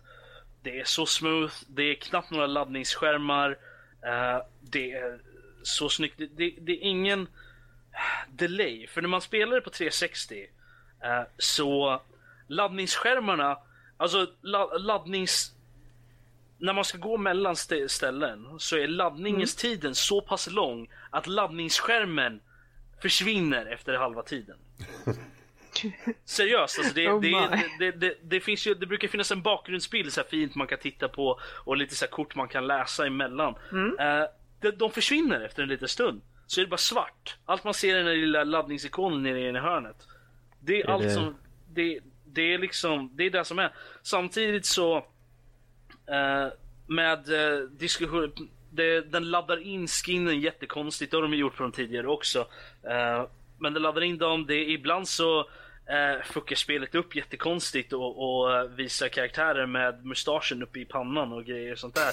På grund, och det är ju en bugg i, men jag tror inte det, det problemet existerar på de, här- på de Next Gen, eller Current Gen konsolerna utan det är bara på de gamla för att hårdvaran helt enkelt inte klarar Ja. av de, de nya spelen. I, porten, porten är så pass dålig till dem, Precis. helt enkelt. Alltså Och- jag skulle säga att det handlar mer om porten än om maskinvara. Jo men de har ju varit tvungna att dumma ner spelet eh, antagligen Ja. för att porta det och därför så har det blivit väldigt dåligt på grund av att helt enkelt så klarar inte de, det, det är ju uppenbart att de gamla konsolerna helt enkelt inte klarar current gen eh, spel så de har ju tvungna att dumma ner skiten eh, och det, det resulterar i eh, lagg i eh, dialog, ibland så hänger sig spelet helt enkelt för att eh, det, konsolen helt enkelt klarar av det och eh, laddningsskärmar som försvinner och det tar evigheter att göra grejer och det, ja, det Ja är... men alltså okej visst, det här, är, det här är verkliga problem, det håller jag med om. Det här funkar liksom inte. Men det, det är sloppy programming och ingenting annat. Och alltså, jag tror att det är påstå- sloppy porting bara men ja. Ja, jo, det, det är absolut fine, visst. Eh, men det ligger inte, man ska inte beskylla maskinvaran för det här utan det är de, De som har- gjort det som inte har gjort man färdigt har ju några år på nacken så jag kan tänka mig att det, är, li- det ligger lite legitimt i vad de säger ändå. Men samtidigt så, ja, det finns ju alltid rum för bullshit. Så är det. Ja, alltså att, men, att, men att ta bort en hel campaign Ja. Jag vet inte, det känns som att de bara fiskar över att folk ska köpa de nya konsolerna helt enkelt. Det, det, Precis, det, lite där tror jag är. kärnan ligger i. För att, att säga att ett spel klarar multiplayer, men inte kampanjen. Dudes. Alltså vad ligger prestandaproblemet egentligen? Grejen med att köra en kampanj, det kräver att du faktiskt kan lagra informationen på enheten och det kräver att du kan hämta den och läsa den. Okej, visst, det kan innebära loading screens ibland. Det beror ju helt på hur du lagrar informationen och hur du väljer att visa den. Hur många objekt du väljer, hur eh, intrikata eh, objekten är, vilka texturer du har och så vidare. Du kan göra ett fantastiskt spel som funkar alldeles utmärkt till den gamla generationen konsoler. Okej, det är möjligt att du behöver lägga ner lite mera tid för att få det att funka på det och kanske till och med göra två olika versioner. Fine. Men då, då är det ett aktivt val. Ursäkta om jag blir upprörd här nu. Men det är ett aktivt val att skippa den gamla generationen och satsa helt på den nya. Och det är för att man helt enkelt vill försöka få folk att köpa nya konsoler istället. Och man tror att man kommer tjäna mer pengar på det här. Det handlar inte om att den gamla kons- generationens konsoler är dåliga. Det är för att du är för snål. Karl, vad Ja. vill du säga då? Ja, ja, ja.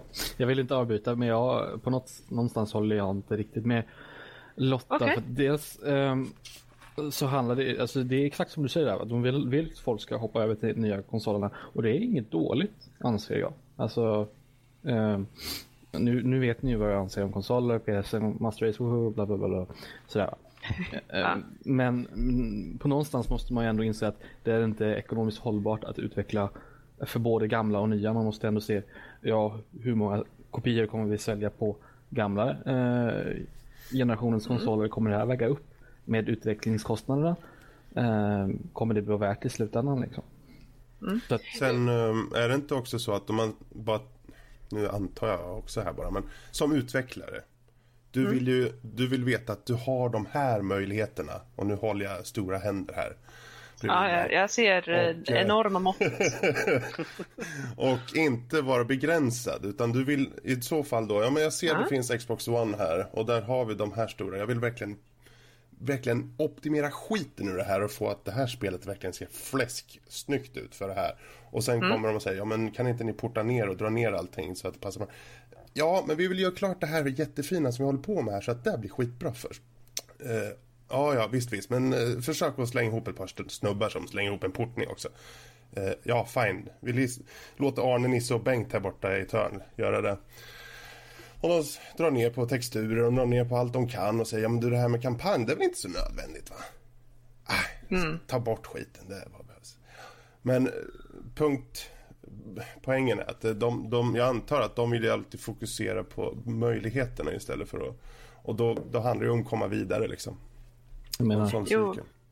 eh, kampanjerna i, i Call of Duty har ju alltid varit så här väldigt eh, hårda med vad gäller action och ändå de, de är ju inte jättegrafiskt krävande men sakerna som händer de är ju så pass eh, actionfyllda och jag kan Det är ju ganska cinematiskt i, i Ja, eh, kod. Precis. Och jag kan tänka mig att de eh, vill, kanske vill skapa någonting som de har svårt eh, att skapa en kampanj som kanske skulle vara svår att, att göra på den äldre hårdvaran. De kanske vill ha en, en storslagen strid med massa enheter eh, som kommer mot dig.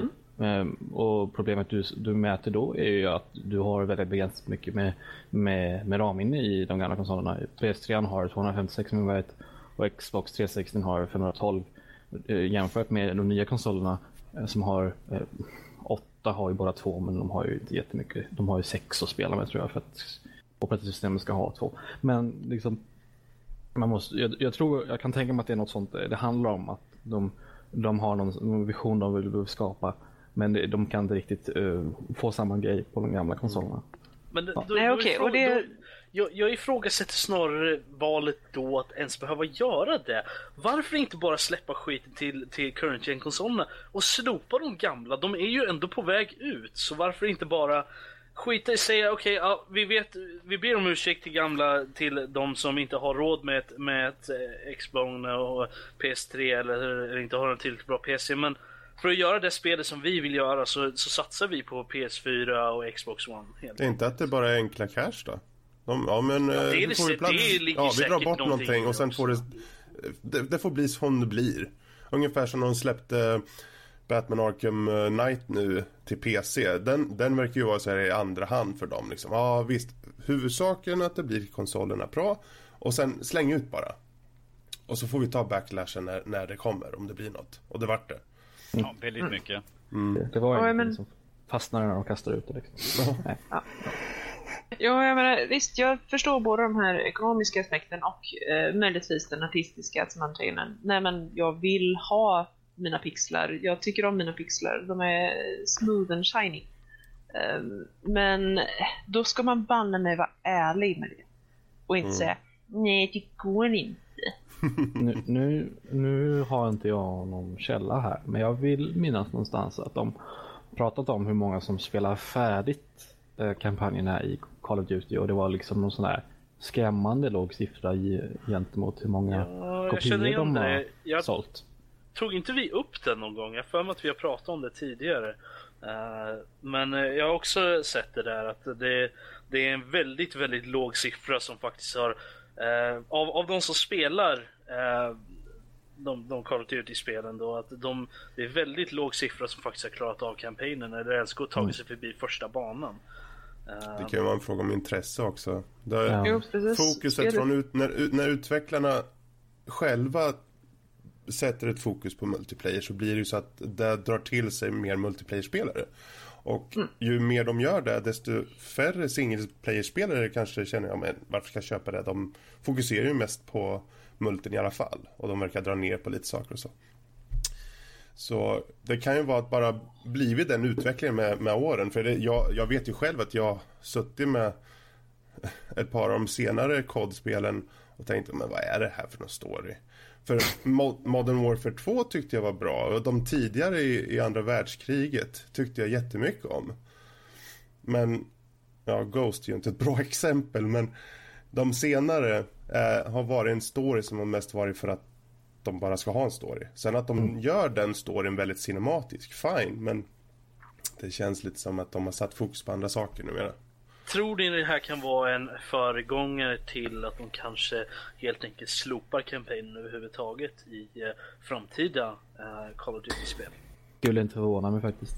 Ja, kanske. Alltså, För det verkar ju inte vara den de tjänar pengar på direkt. jag spelade aldrig kod för Och kampanjen. skull. spe, speciellt inte när de, har, när, nu när de släpper spelet eh, och kampanjen har, eh, som de drar av då för till 360 och P3 är ju bara 10 dollars skillnad. Mm. Jaha. Ja, det är också någonting. Vad, är, det, är det verkligen så de värderar sin campaign liksom? Att den är värd 10 dollar? Är det så? Och resten av spelet är alltså multiplayer. Då ser man ju direkt det som du säger liksom. Att det, det, det är ju uppenbart vart de har lagt sin fokus. Mm. Ja, det är klart. De, de vet ju vilken, vilken grupp de lockar mest. Och det är ju inte single player-spel, utan det är multiplayer-spel. Och det är klart att de drar ner då på resurserna för att göra single player-delen. De kanske har en liten skeleton crew som de bara gör någonting kul som har någonting med våran, som kan ha en liten storyline. Men att krutet det lägger vi på multiplayer, för det är där vi vill att folket ska stanna ju. Precis som CSGO, jag menar ifall de inte skulle ha eh, sin bas där så kanske de skulle fundera, hmm, vi kanske ska göra någonting för andra som kommer kanske en liten single play-bit, vilket aldrig skulle fungera i det här scenariot. Det har de försökt med Condition Zero. Det är, Ja. Condition Zero är det mest hatade CS som släpps. Så, Oh, Ja, nu har vi fått igång Karl här nu igen. Så kanske, kanske ska gå tillbaka här nu till, eh, till, till min poäng här. Att det är såklart, säg liksom. precis, jag säger. men så, som Robert sa, att det här kan ju vara föregångaren till att de kommer ta bort. För att vi har ju spel som är enbart multiplayer.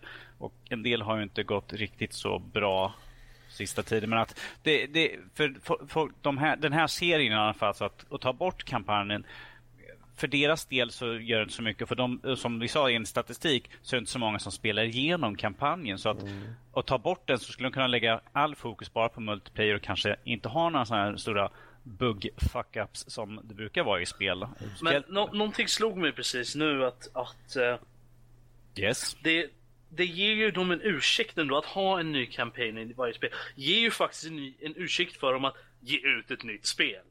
Eh, för att jag tror inte att folk skulle vara lika intresserade egentligen.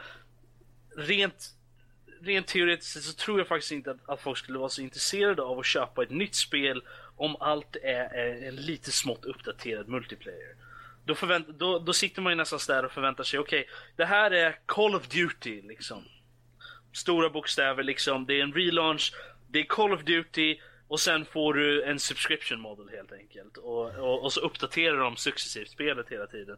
Som med de flesta, med de flesta MMOs liksom. Att du köper ju det originala spelet så uppdaterar de det. Istället för att, för att jag känner inte att rent, jag tror inte det skulle funka i längden att ha ett spel som bara är som bara är ren multiplayer och fortsätta släppa eh, ett nytt Call of Duty med bara multiplayer-biten utan ha den där lilla små ursäkten för en Det kan kampanj. jag eh, faktiskt eh, hålla med om ändå. För att jag tröttnade ju på, på COD efter ett tag. Jag tror att MB, Modern Warfare 3 var väl det sista jag spelade när jag bara, "Nej, jag orkar inte med det här. Jag har spelat det här spelet eh, hundra gånger innan.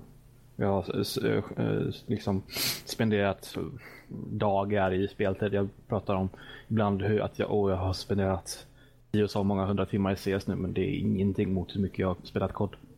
Det är bara det. Alltså, eh, alltså någonstans så, eh, så tror jag folk tappar intresse om man fortsätter att släppa ett, ett spel varje år. Liksom du tappar farten lite grann. För att, eh, du, det är ändå lite saker du måste vänja dig vid, nya saker varje år. Dels måste du ju spendera de här pengarna varje år. Ett spel som är så snar, jättesnarlikt det du redan har. Men det är ändå där alla, nya, alla spelare kommer vara.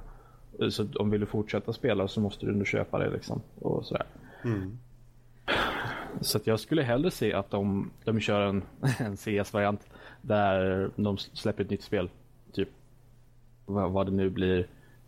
CSGO släpptes 2012, Source släpptes ingen aning faktiskt 2006. 2004, någonstans där. Och 1.6 då 99. Liksom det skulle ju, jag tror det skulle vara mycket bättre att de kör en sån variant eller som Robert säger att de kör en subscription model. Ja, det finns ju mycket man kan bygga upp för det, det alltså frågor på det här. Jag menar, eh, om man skulle göra som, som du säger till exempel, om utvecklaren skulle göra så, då finns det ju mer utrymme för e-sporten. För det känns som att ett spel behöver lite tid på sig att bygga upp en, en eh, om det kommer en nytt spel varje år hur, och de Det- ändrar lite saker och så. När ska man Det- hinna bli bra liksom? Det har du absolut helt rätt i. Absolut att, eh, att eh, liksom, eh, eh, spelet får aldrig tid att omogna och, och de försöker ju verkligen att få Call of Duty att bli ett e-sportspel och jag tror ändå att den har haft potentialen för Call of Duty 4 hade ju ändå en, en, en viss månad av e-sportscen. Mm. Eh, men den liksom dog efter ett tag för att det, spelet är gammalt och sådär. Folk gick vidare. Eh, att, uh, och som du säger med att de släpper nytt spel varje år och man måste, de ändrar på saker och, och folk hinner inte riktigt utveckla strategier och ditten och datten som man gör i CS mm. och sånt där. Så att uh, ja, uh, om man hade saktat ner släppen lite grann så mellan, mellan varven där så kanske det förbättras men samtidigt tror jag inte utvecklarna eller snarare utgivarna skulle vilja göra det för att kod säljer ju fortfarande väldigt mycket jo. varje år. Men det är det som är grejen liksom. Att skulle de slopa kampanjen så skulle det inte finnas, finnas lika stor incentive egentligen. Jag tror det skulle vara väldigt svårt att marknadsföra egentligen ett, ett COD multiplayer enbart varje år. Så att eh, de måste nog ha den där kampanjen för att vara, ha den där lilla extra... Vi får, eh, vi får helt enkelt se hur länge det ens håller på PS3 och 360 kanske ja, jag, jag, jag, jag, jag tror definitivt inte att det här att, eh, eller jag tror definitivt att det här kommer vara sista kod som släpps på, på, eh, på Last Gen helt mm. enkelt. Mm. Det, det, är, det känns som det att det här är, just nu så har vi nått eh, slutet, början av slutet eller slutet av slutet till och med tror jag nog nästan. Att ja. nu är det de sista grejerna som kommer till Last Gen, det kommer inga fler nu. Nu, nu är det på hög tid att folk går över till, till Current Gen helt enkelt. Precis. De har ju varit ute i vad, två år nu? Ja. Ett år, något sånt där. Så det, år. Och det, det var ju med 360 och PS3 ändå. Det tog ju ett par år innan, innan de fullt gick över till dem. Uh, men att det hände ju till slut och det är ingen som släpper grejer till uh, Playstation 2 och Xbox originalet längre överhuvudtaget. Så att, Nej, det här är första steget tror jag definitivt. Och eh, vi låter det bli det sista ordet i den här eh, intressanta diskussionen faktiskt. Vad gäller just eh, det här borttagandet av kampanjen på COD Black Ops 3. Och med det här ordet så låter vi hoppa in i nästa session.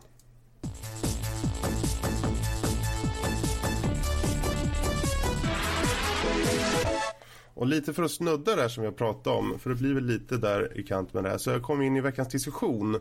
Där veckans diskussion är framtidens konsoler. Hur tror vi? Vad hoppas vi på? Och vad vore coolt? Om vi fick spåna fritt, hur skulle vi vilja se konsolmarknaden förändras? Och vad, vad, tror vi faktiskt kan hända i framtiden? Vi har fått in mail som vi kommer ta upp eh, angående det här. För vi har eh, lagt ut en fråga i communityt. Eh, men vi börjar med oss. Finns det någonting ni skulle, om vi börjar på vad vi hoppas se i framtiden på konsolsidan. Är det något ni, ni, ni känner rent spontant så här, ja men det här vore coolt om de faktiskt hade med som en standard i framtiden? Kan vi, kan vi upprepa proper VR helt enkelt? Sword Art Online mm. typ. Full body liksom, direkt in, dot hack liksom, allting. Hela, alla sensationer, allting sånt där rätt in liksom. Det, det, det är väl dit som ultimat man vill gå egentligen känner jag. Mm. Det, jag, tror att, jag tror att nästan alla gamers skulle hålla med om att det är den, den, den grejen dit man dit, i slutändan man vill att det ska gå i alla fall. Att man ska helt enkelt kunna immersa sig själv helt in i spelet. Mm. Uh, uppleva det själv så att säga. Alltså jag känner lite att vi kan, göra, vi kan börja göra en kikero med det här med proper VR. Fast istället för att avsluta varje tal eller varje podcast med för övrigt anser jag att Kartago bör förstöras. Med för övrigt anser jag att vi bör få riktig VR.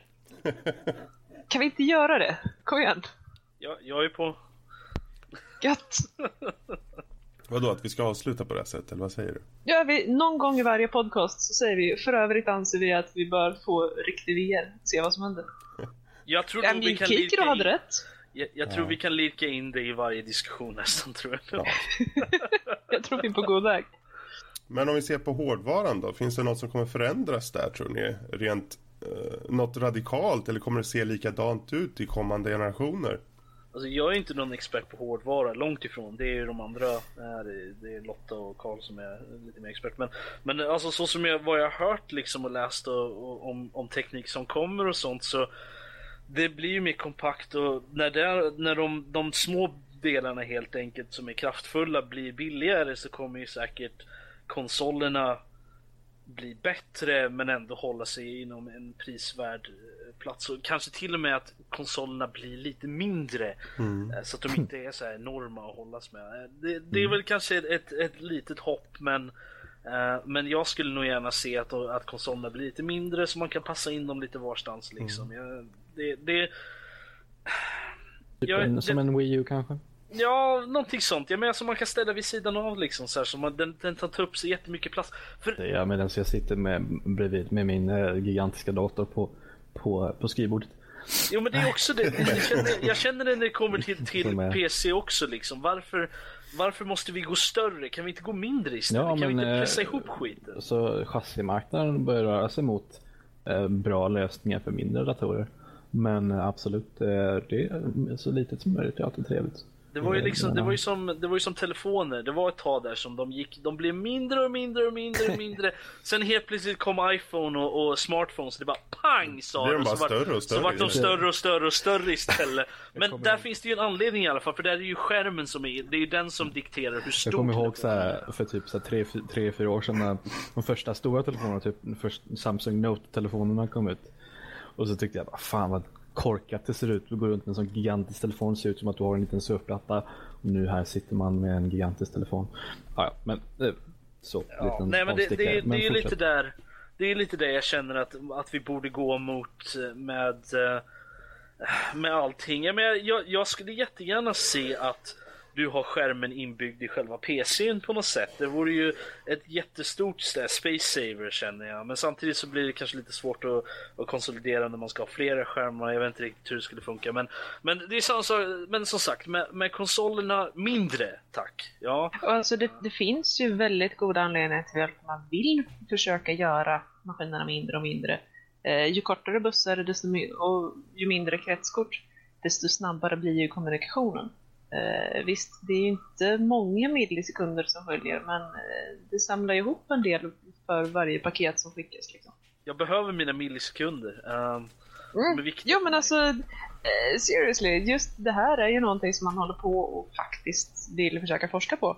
Anledningen till varför datorer och konsoler fortfarande har den storlek de har är ju för att istället för att bara ta allting och komprimera och vara nöjd så tar man allting komprimerade och lägger till fler grejer. Jag, vä- jag väntar på den där stora breakthroughen som vi hade, en liknande breakthrough som vi hade för en, vad är det, en 60 år sedan nu eller något sånt där när, eh, när, när transistorn, var det den som kom då? Något sånt där som gjorde att vi kunde ha alla de här små komponenterna istället, istället för de här stora lysrörs, de här stora eh, enorma, vad de nu heter, jag kommer inte ihåg nu. Men du vet vad jag menar. Ja nej, men de här stora la- glödlampsliknande grejerna som vi hade i all teknologi innan. Ehm, vad hette de? Vakuumrör eller något sånt där? Men det har ju, man har ju hållit på att forska mer och mer inom eh, fiberoptik också och eh, möjligheter att faktiskt skicka data via ljus. Och eh, det skulle kunna medföra en ganska vettig förbättring i både hastighet, storlek, prestanda. Ja, The kan vi skicka saker med ljusets hastighet så känner jag nog att det skulle nog vara en jävligt bra grej. Eh, Lite fräsigt så. Men Ja. om vi ska försöka ta, ta oss tillbaka till ämnet. Jag mindre, någonting som jag väldigt gärna ser eh, och kanske ligger lite längre, lite närmare i tiden än proper VR. Eh, det är sådana här typ handskar i, från Johnny Mnemonic. Mnemonic. Mnemonic, ja. Eh. Menom, mnemonic? Mnemonic? Där filmen ni vet. Absolut. Ja, Eh, där man faktiskt kan, man eh, har ett interface med konsolen, datorn, enheten, wha- whatevers, eh, som eh, reagerar på dina händer och dina fingerrörelser. Mm. Gärna i kombination till någon form av antingen augmented reality eller virtual reality. Mm. Det tycker jag vore skitfräsigt. Ja, det vore faktiskt ganska coolt. Och vi, det är ju intressant nu med VR-teknologi som kommer och allting. Så det kanske blir lite mer åt det här hållet. Eh, Och det här är just, eh, det här är ju mer eh, styrmedel och liknande. Men om man kollar på spelen i sig då. Finns det någonting i spelen hur man får till sig spelen? Är det att vi kommer gå betydligt mer mot en digital situation? Eller är det till och med streaming som gäller? Eller, någon, eller finns det någon annan dimension av sätt vi kan få eh, spelen till oss? Ja, det, det, det, finns ju det här gamla skämtet var det ju där eh, man kunde spela spel via, eh, via, eh, via brev. Eh, man skickade, man skickade Ja. en action Ja. via brev och så fick man eh, vad som hände i ett screenshot. Så. Alltså jag, jag tror aldrig det var på riktigt, det är ju bara ett skämt där ju. Men det var lite, jag tror, jag känner att är det, är det dit vi är på väg eller vadå? Nej men, eh, i, i all se- seriousness så tror jag nog att vi kommer ju definitivt gå mer mot eh, digitala lösningar till saker. Vi, vi är ju redan där till mångt och mycket egentligen. För att, menar, om, man tittar, om man tittar på mitt personliga bibliotek när det kommer till spel så har jag kanske 10, ja 20 spel som max i fysiskt format, alltså fysiska kopior av spel. eh, som jag äger. Medan i mitt Steam-bibliotek så har jag upp mot en 130-40 någonstans där. Spel liggandes. Och det är inte alla mina spel heller eftersom jag har ju GOG och, och lite andra ställen också som ligger. Så att det, det, det är ju helt klart att den digitala grejen kommer ta över mycket mer. Eh, I och med att internet blir bättre och allt sånt där så, så blir det mycket enklare att leverera eh, spel via internet helt enkelt. Mm. Och i och Och med att någonting- mer och mer människor har internet också så Någonting som jag eh, verkligen hoppas på som också skulle kunna bli eh, större i och med att man utnyttjar internet, internet mer, det är cross-platform gaming. Mm. Det är någonting som jag är väldigt eh, suktar lite efter också för att jag, Mm. jag blir lite irriterande. Det känns så dumt ändå när man läser om det. Jag, jag, menar, jag spelar inte jättemycket multiplayer liksom, men jag känner ändå att även om inte multiplayer men co-op då, kan, man inte, kan vi inte ha om du äger spelet på PC och jag äger det på Xbox One, kan inte vi liksom spela tillsammans? Mm. Ja, Det är ju upp det- till utvecklaren. Precis, Ja, det, jag finns vet. ju, det finns ju redan... Eh, Kan man spela PS4 och eh, PC.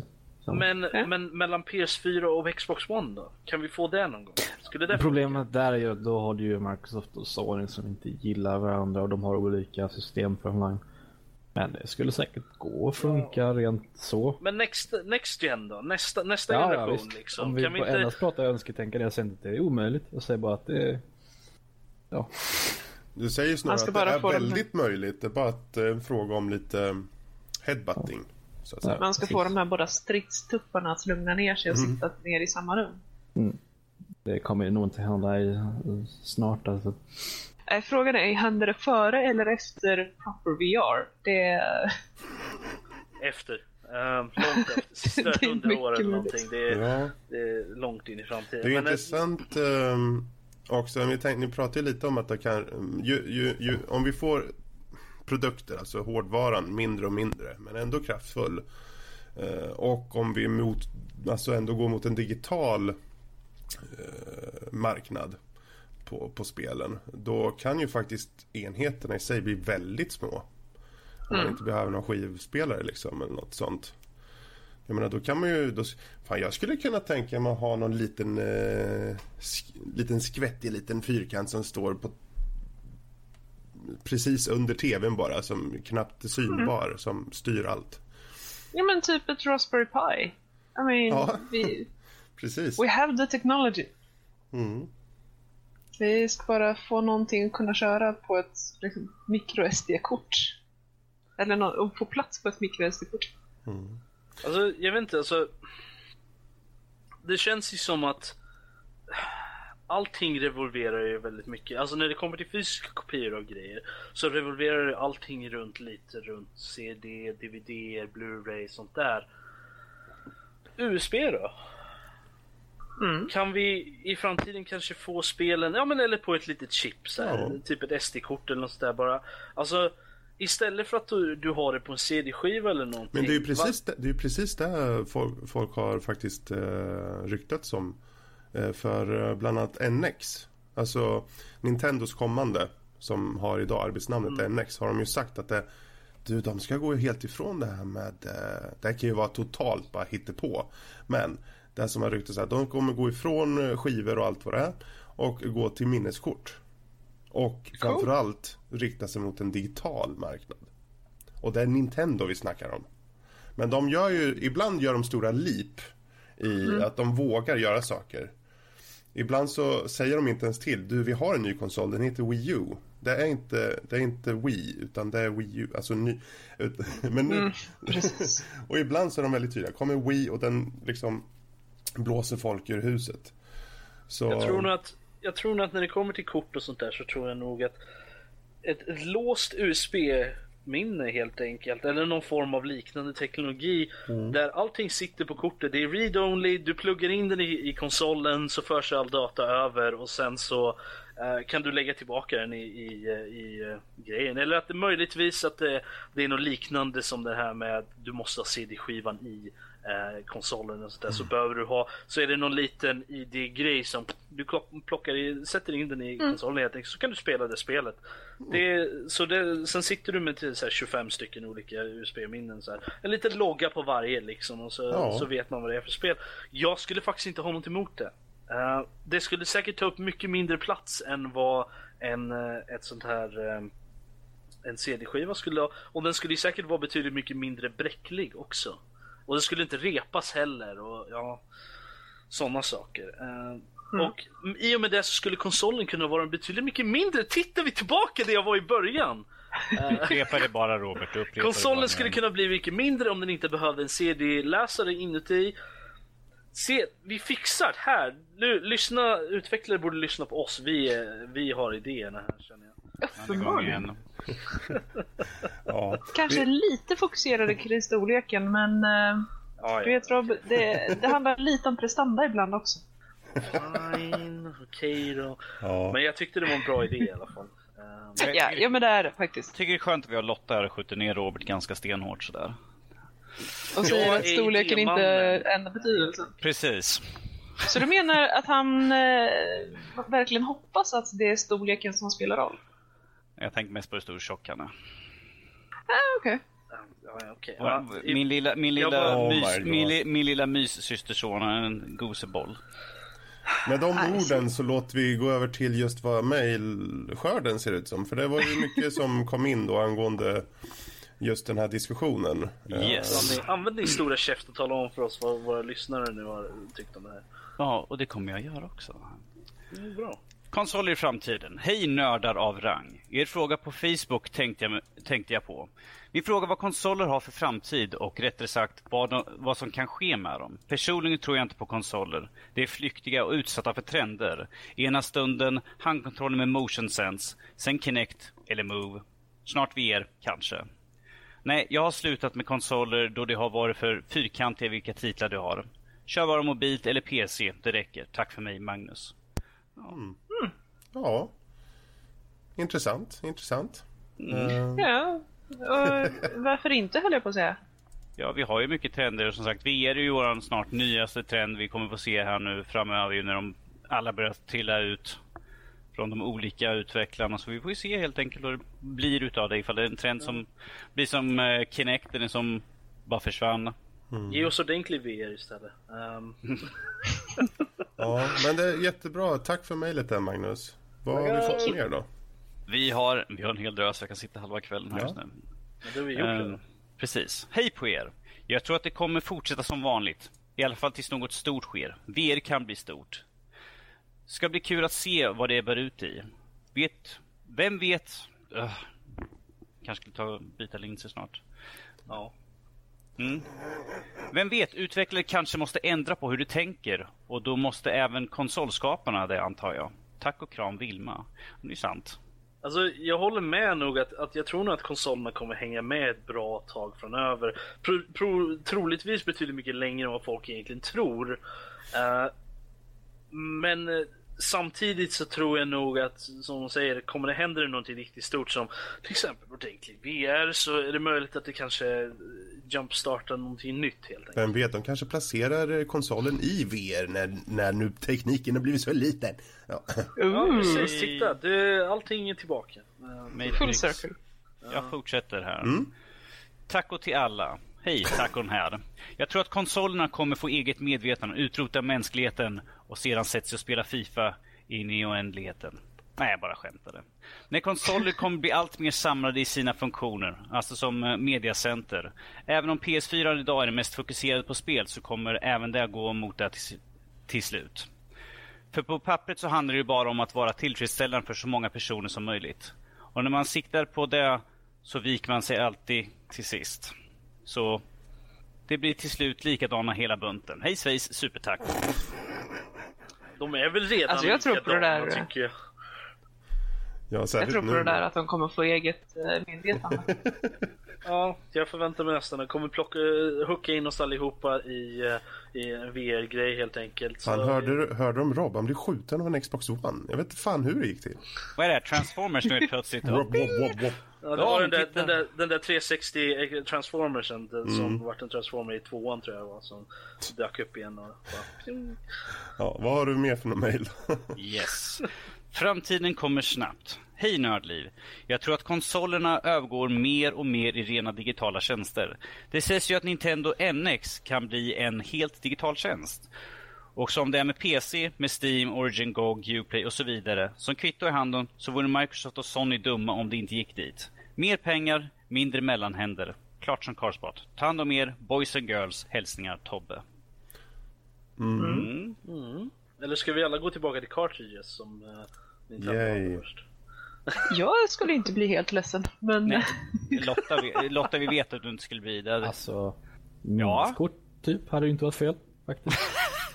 alltså, ja. det är ju typ cartridges så att, I don't know. Ska vi, men kan vi, gärna, kan vi ha plats för mindre. mer än fyra save-porter, save-filer på Ja men alltså kolla på typ min Nintendo 3DS, det är ju basically minneskort du får spela på. Jo, fast du har fortfarande bara plats för typ fyra stycken save-slots save, slots på dem. Ja ja men du har ju intern lagring också, herregud fan. Ja, men nu ska vi inte vara... Nu, nu pratar vi om vad som faktiskt är på grejen. Nu... Nah! Okej. Fast på 90-talet och 80-talet när vi hade savesen lagrade på, på, på cartridge. Ja men det här är ju faktiskt lite vad vi pratade om också, det här att göra det mer och mer digitalt och, och kanske till och med jobba helt. Ja, jag har inte köpt en fysisk kopia av ett spel sen... Jag har fan ingen aning. Jag, alltså, jag vet inte vilket det senaste jag var. Kanske var Halo 4 eller något sånt där jag köpte sist som var fysiskt. Ja. Men eh, innan Rob får spott, har vi fler mejl? Vi har en hel drös. Gatt! Så Ro- Robert Hank sitter där liksom Ja, lugnar ner fortsätt. sig. Yes. Hej alla! Konsolers framtid. Jag tror det kommer fortsätta som vanligt. Men tror mest på Xboxen då deras cross-platforming gör att jag äntligen kan köra Halo på datorn. Mm. Robert och Fredrik, vi säger ingenting om Halo, vi låter det vara osagt. Deras Halo uppdatering... Shut up. Deras uppdatering som kommer kan bli skitbra om det... Innan trean. Så fortsätt. Före det inte fanns.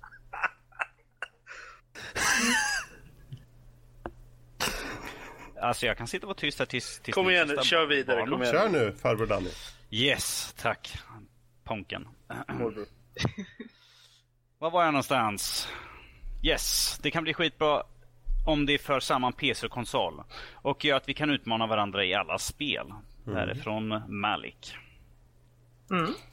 Ja, Yes. Jo men absolut. Och som sagt, det, ja, en, en trevlig dröm om till och med konsolerna kunde leka snällt. Men eh, lyckligtvis Ja. börjar ju konsoler och PC prata lite med varandra. ja, med tanke på uppdateringen för Xbonen så, eh, som komma skall, det här med integrationen mot eh, Windows och allting. Så känns det ju som att där finns det ju lite hopp faktiskt. Och de har ju nu tagit sig i kragen med gamer-aspekten överlag. Så det ska bli intressant att se.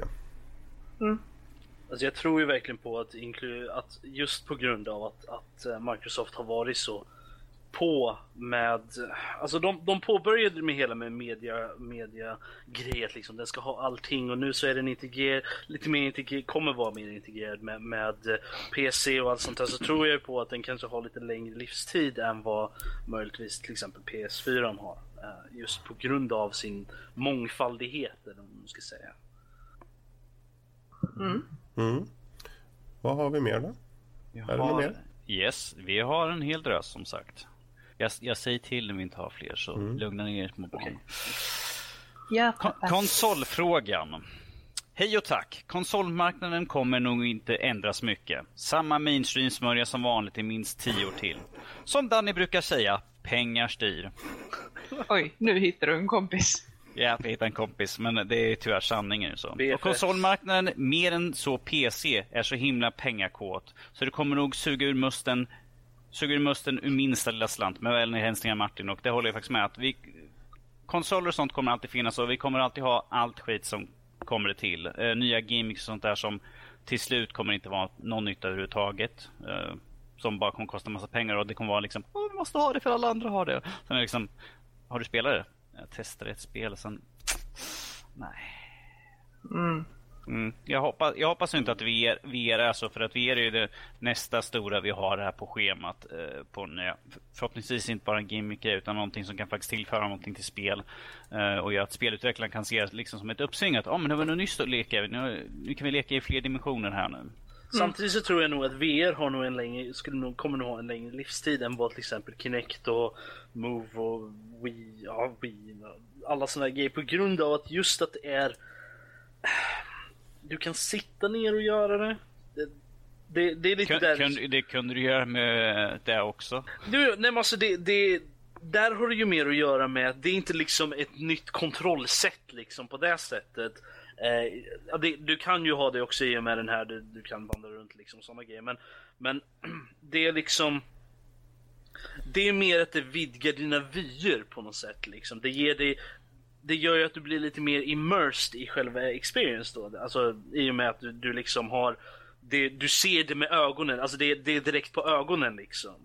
När du tittar på det. Så det är inte Det är inte bara någon konstig gimmick där du viftar med händerna och den gör vad du vill liksom. Sådana grejer. Det, det, det är mer än det. Så det, det är ju något som faktiskt gör att du kommer närmare din spelupplevelse. Jo, kommer närmare. Jag vet att vi har ett mejl. Det kommer närmast komma närmare. Japp. Go on. Eh, men alltså Go det, on. får jag bara inflika att jag Mm. tror att en grej som skulle kunna döda VR skithårt, det är om man inte kommer till rätta med det här med åksjukan. Mm. Ja, jo det, det är väldigt sant. Mm. Men men, fortsätt. Yes. Xboxar och sånt. Hej och tack för att ni tog upp mitt mail. Jo, gällande den här veckans diskussion om hur konsolmarknaden kan tänkas se ut i framtiden. Det kommer sluta med skivspelare i, lådor och satsa endast digitalt. Hårddiskar som tidigare varit vid ett satt pris på till exempel 1000 kronor för en terabyte. Hjälp snabbt ner i pris då varenda Xbox slash Playstation ska skeppas med större disk. Vilket är ganska sant ju. Och cykeln fortsätter med större diskar allt under denna generation. Nästa generation, mm, ja. Om jag får fantisera fritt så har hårdvaran blivit betydligt eh, både mindre och kraftfullare. Så att en liten box vid sidan om TVn avser konsolen och vi styr med röst och kropp i VR. Helt. Framtiden Jag- ljus med vänlig hälsning Jocke. Du kan väl inte jag läsa klart Robert tills Jag, du jag, trodde, vill jag trodde du hade det, förlåt. Ber om ursäkt. Jag läser alltid vem som har skrivit på slutet. Förlåt, förlåt. Jag kommer ihåg Ja, det nästa gång. vad ville du ha sagt nu då? Jag gillar dig. Ehm, nu glömde jag bort vad han hette. Uh, Jocke. Jocke, Jocke, jag tycker om dig. Du och jag, vi är polare nu. Du, vi, Jocke vi, Spring. för Åh, livet. vad synd att du sa det till Jocke där. Jag tyckte det var så kul bara. Då lät som ni hade lite så här mothugg mot varandra. Som, Danny, jag gillar dig. Nu ska vi inte bli gulligt. allt för galna här. Vi är ju faktiskt släkt. Okej, Jag, förlåt. jag, är faktiskt, jag är faktiskt hans favoritmorbror. Så. Då så. Vad har du för något mer då? Yes, vi har här. Om er fråga på Facebook. Hej alla raringar, så det är alla andra utom mig, det vet jag redan för jag, jag brukar bli gubb och gnällig här så vi vet Ja, att det inte är gäller mig. Jo, vad gäller konsolernas framtid. Eh, låt dem dö ut. Finns inga spel som passar mig ändå. Dessutom Okej. har jag alltid tyckt man kommer så långt ifrån spelupplevelsen när man degar i, en soffa. Bättre att vara engagerad nära, ja en meter i alla fall, skärmen och faktiskt kunna se vad som finns i detaljen. Hihi, kramisar Indra. Vad har du för lite TV Vilken, vilken schysst snubbe alltså. snubba. Det var en tjej tror jag. Jaha, Snubba. ja, okej. Förlåt. Nej, men- Snubba! Ja, do that you know. Om, om vi säger så här. Eh, jag, jag tycker väldigt mycket om att sitta i min, i min soffa och slöa, eh, vilket är bekvämt. Jag menar, jag spelar ju inte så mycket dator nu för tiden. Eh, det, till och från. Jag spelar som sagt Final Fantasy 5 och suttit och lekt lite grann med det. Men att vanligtvis så sitter jag i min väl insuttna soffa här. Du har liksom en, en gubbrumpa i den så att jag sitter väldigt bra och jag tycker det är skönt. Jag menar, Så jag, jag kan ju... Jag vill bara säga en sak. Man kan koppla in en dator upp tvn också. jag vet men om inte. Men jag, jag tänkte faktiskt säga Jag har någonting om samma HDMI på vägnar min, min, min dator också. Alltså det, det är lugnt. Jag fixar det här. Jag, jag kan ju påpeka att Bra. min, min, Karl kommer över och fixar åt mig. jag kan ju påpeka att min, eh, den skärmen som jag använder för att spela mitt eh, 360 på är samma skärm som är min- min primära för datorn. Så att kör de är inkopplade till samma och det, det är samma avstånd, inget problem. Jag sitter vid, min, vid mitt skrivbord här. Så att jag, jag tror att, jag känner att argumentet där är lite invalid på något sätt. Ja, jag kan säga så här till, till Indra att, liksom att jag, jag, sitter väldigt, jag får en väldigt nära upplevelse när jag spelar Playstation 2. För att det är en väldigt kort sladd så jag måste sätta stolen framför TVn. Så, så går det med utdaterad teknologi. Jag kan köpa en Jag förlängningsladd. kan, jag kan faktiskt hålla med henne för att jag tycker att det inte blir samma upplevelse att sitta i soffan. Men jag måste ju Ja. sätta mig närmare för jag tycker jag missar så mycket. Jag Fredrik, du kanske ska kolla synen? bytte ju vi eh, länge sedan när jag körde på Xbox. Och bara någon i vevan när jag körde Modern Warfare 2 mycket. Så köpte jag min skärm just för att jag skulle kunna sitta nära. För jag tyckte att jag såg eh, inte gubbarna speciellt bra. Det, det, det här låter precis som Karl, när han var ung. I en tid för länge, sedan. Karl, hur gammal är du nu igen? Jag var typ 14 när MV2 släpptes. Fan. Snovalp. Så jag, jag fyller faktiskt 20 nästa vecka. För... Ja, och jag är 36. Wow! Jag är 36 och ett halvt. Ja, Till och med jag känner mig gammal nu alltså, när du kommer med sådana grejer. Men ja, det är Men kul. alltså hörni, jag, jag måste få lov att argumentera emot det här att det är bra med fantastisk immersion. Jag har ett enormt bra exempel på när det inte är bra att leva sig in för mycket i spelet och det är när man kör Street Fighter 4. Jaha, go on. Eh, jo men alltså, när Vadå, jag... slutade med trasiga skärmar eller? Nej nej, inte skärmarna. Handkontrollerna. Nej nej, jag är snäll mot teknik. Det är bara Max som får en käftsmäll.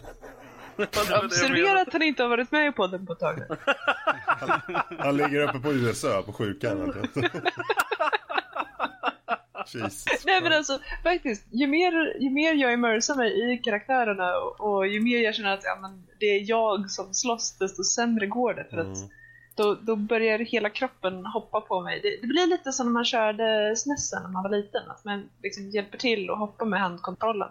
Det är inte då- jättebra när man ska göra eh, single frame eh, inputs. Vad då för länge sedan? Jag gör det fortfarande med min 360-kontroll. Luta Nice. mig hit och dit och grejer så här. Alltså, det, var, det var inte, det så- såg jätteroligt, det, eller det hade säkert sett jätteroligt när vi hade, var det Flatout som veckans spel här, till, var det tidigare i år vi hade det? Och eh, jag satt och spelade det med dig Fredrik och jag satt ju och lutade mig liksom i, i, i stolen. Ro- Robert, Robert, nu tänker jag vara sån här. Jag har sett dig och din lillebror suttit och spelat spel hemma hos eh, mormor och morfar. Där har ni suttit med varsin gamla Xboxen då. Första suttit och spelat Star Wars och hoppat varsitt håll sådär. I soffan på Sk- hos Kenny Ronny. Så det är skitkul att se på. Han kan inte låta bli och jag tänker fan göra det nu så är det väl ännu roligare. Ja. Ja. Och sista mejlet. Sista mejlet här nu. Vad jag tror. Hej på er! Konsoler kommer bli mindre och betydligt mer breda i sitt utbud hoppas jag. Mer streaming av spel, film och serier. Om jag ändå ska ha en box vid tvn så kan den lika gärna göra allt. Med vänliga hälsningar, Anders. Det är ju sant, eh, som vi, som vi har diskuterat, på, det är många andra som skrev här nu att de tror att, och som ni också andra har sagt, att det kommer bli en betydligt mindre box ifrån att ta bort eh, att de kommer ha, inte ha skivor längre och sånt. Det är klart att det kommer bli mindre.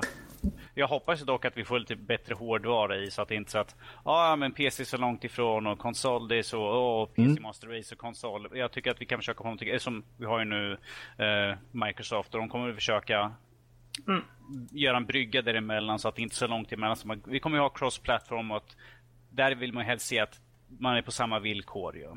Jag ser ju, Ja men alltså, precis som sagt, jag, jag sa ju det i början liksom, men jag, jag, jag har ingenting att backa upp det här direkt med. Men jag har ju hört och ryktas om och sånt där att teknologin blir ju mindre väldigt ofta. Det finns, finns mindre versioner som ändå är lika kraftfulla som, som de större varianterna av sig. Ja, att- det, det, det stämmer väldigt bra det att det är Ja. så. Vi kan ju ta Fredrik som exempel. Fredrik har en stor lurk och jag menar, hans eh, barn är mindre. Ja, det var ju en bra jämförelse. Ja, jag vet. Jag kände att, vad var det för jämförelse egentligen? Saker blir mindre. Ja, alltså Nej. you know, Next Gen är uppenbarligen eh, mindre och i ett annat käll. Liksom. Ja, men jag, jag, jag, men jag tror att hon kommer vara mer handfull än vad käre herr Olsson kommer Eller är. Ja, eller vänta, jag vet redan att hon är det. Alltså jag känner att processorn tickar lite fortare på båda de där små dvärgarna. Wow. Uh, Studsbollar båda två. jösses. nu pratade jag faktiskt om teknologi, inte om människor. Eh, Okej då. Damage Det gjorde jag, det gjorde jag med. Mänsklig teknologi. ja, men, mm. Bioengineering. Ja, det är har jag också läst lite om. Alltså det är de är folk som försöker eh, hålla på och föra in... Vad var det för någonting? Det var någon form av bioelektrisk eh, överföring in i teknologi så att det, det skulle gå snabbare att föra det genom någon form av biologisk komponent eller något sånt där. Så, så att, Mm. Och det, det var ganska intressant att läsa om. Jag förstod det inte riktigt ordentligt. För det var väldigt, det var ganska tekniskt det jag läste. Men det var liksom så här, okej, ja men det, det låter ju coolt i alla fall.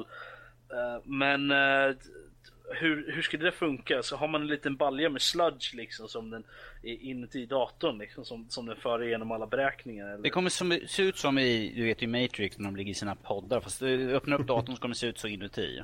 Vadå, det ligger en liten eh, person En, liten- en inuti, liten eller? person, ja. En liten dummy inuti så här. Jo men alltså det är ju Stor flera näsa, ställen. inget hår. Ja. Men jag tror vi tar och rundar av nu. Nu hoppar jag in och låter runda av den här veckans diskussion. Det var en, en fartfylld diskussion som, som vi kan fortsätta sen eh, i efterhand. Eh, och är det så att ni där ute känner att ni vill tillföra något ytterligare angående just den här diskussionen så mejla då in på info.nordipodcast.se så kan ni säga vad ni tycker och tänker. Och eh, ja, med de orden sagda så avslutar vi den här sessionen och går vidare till nästa.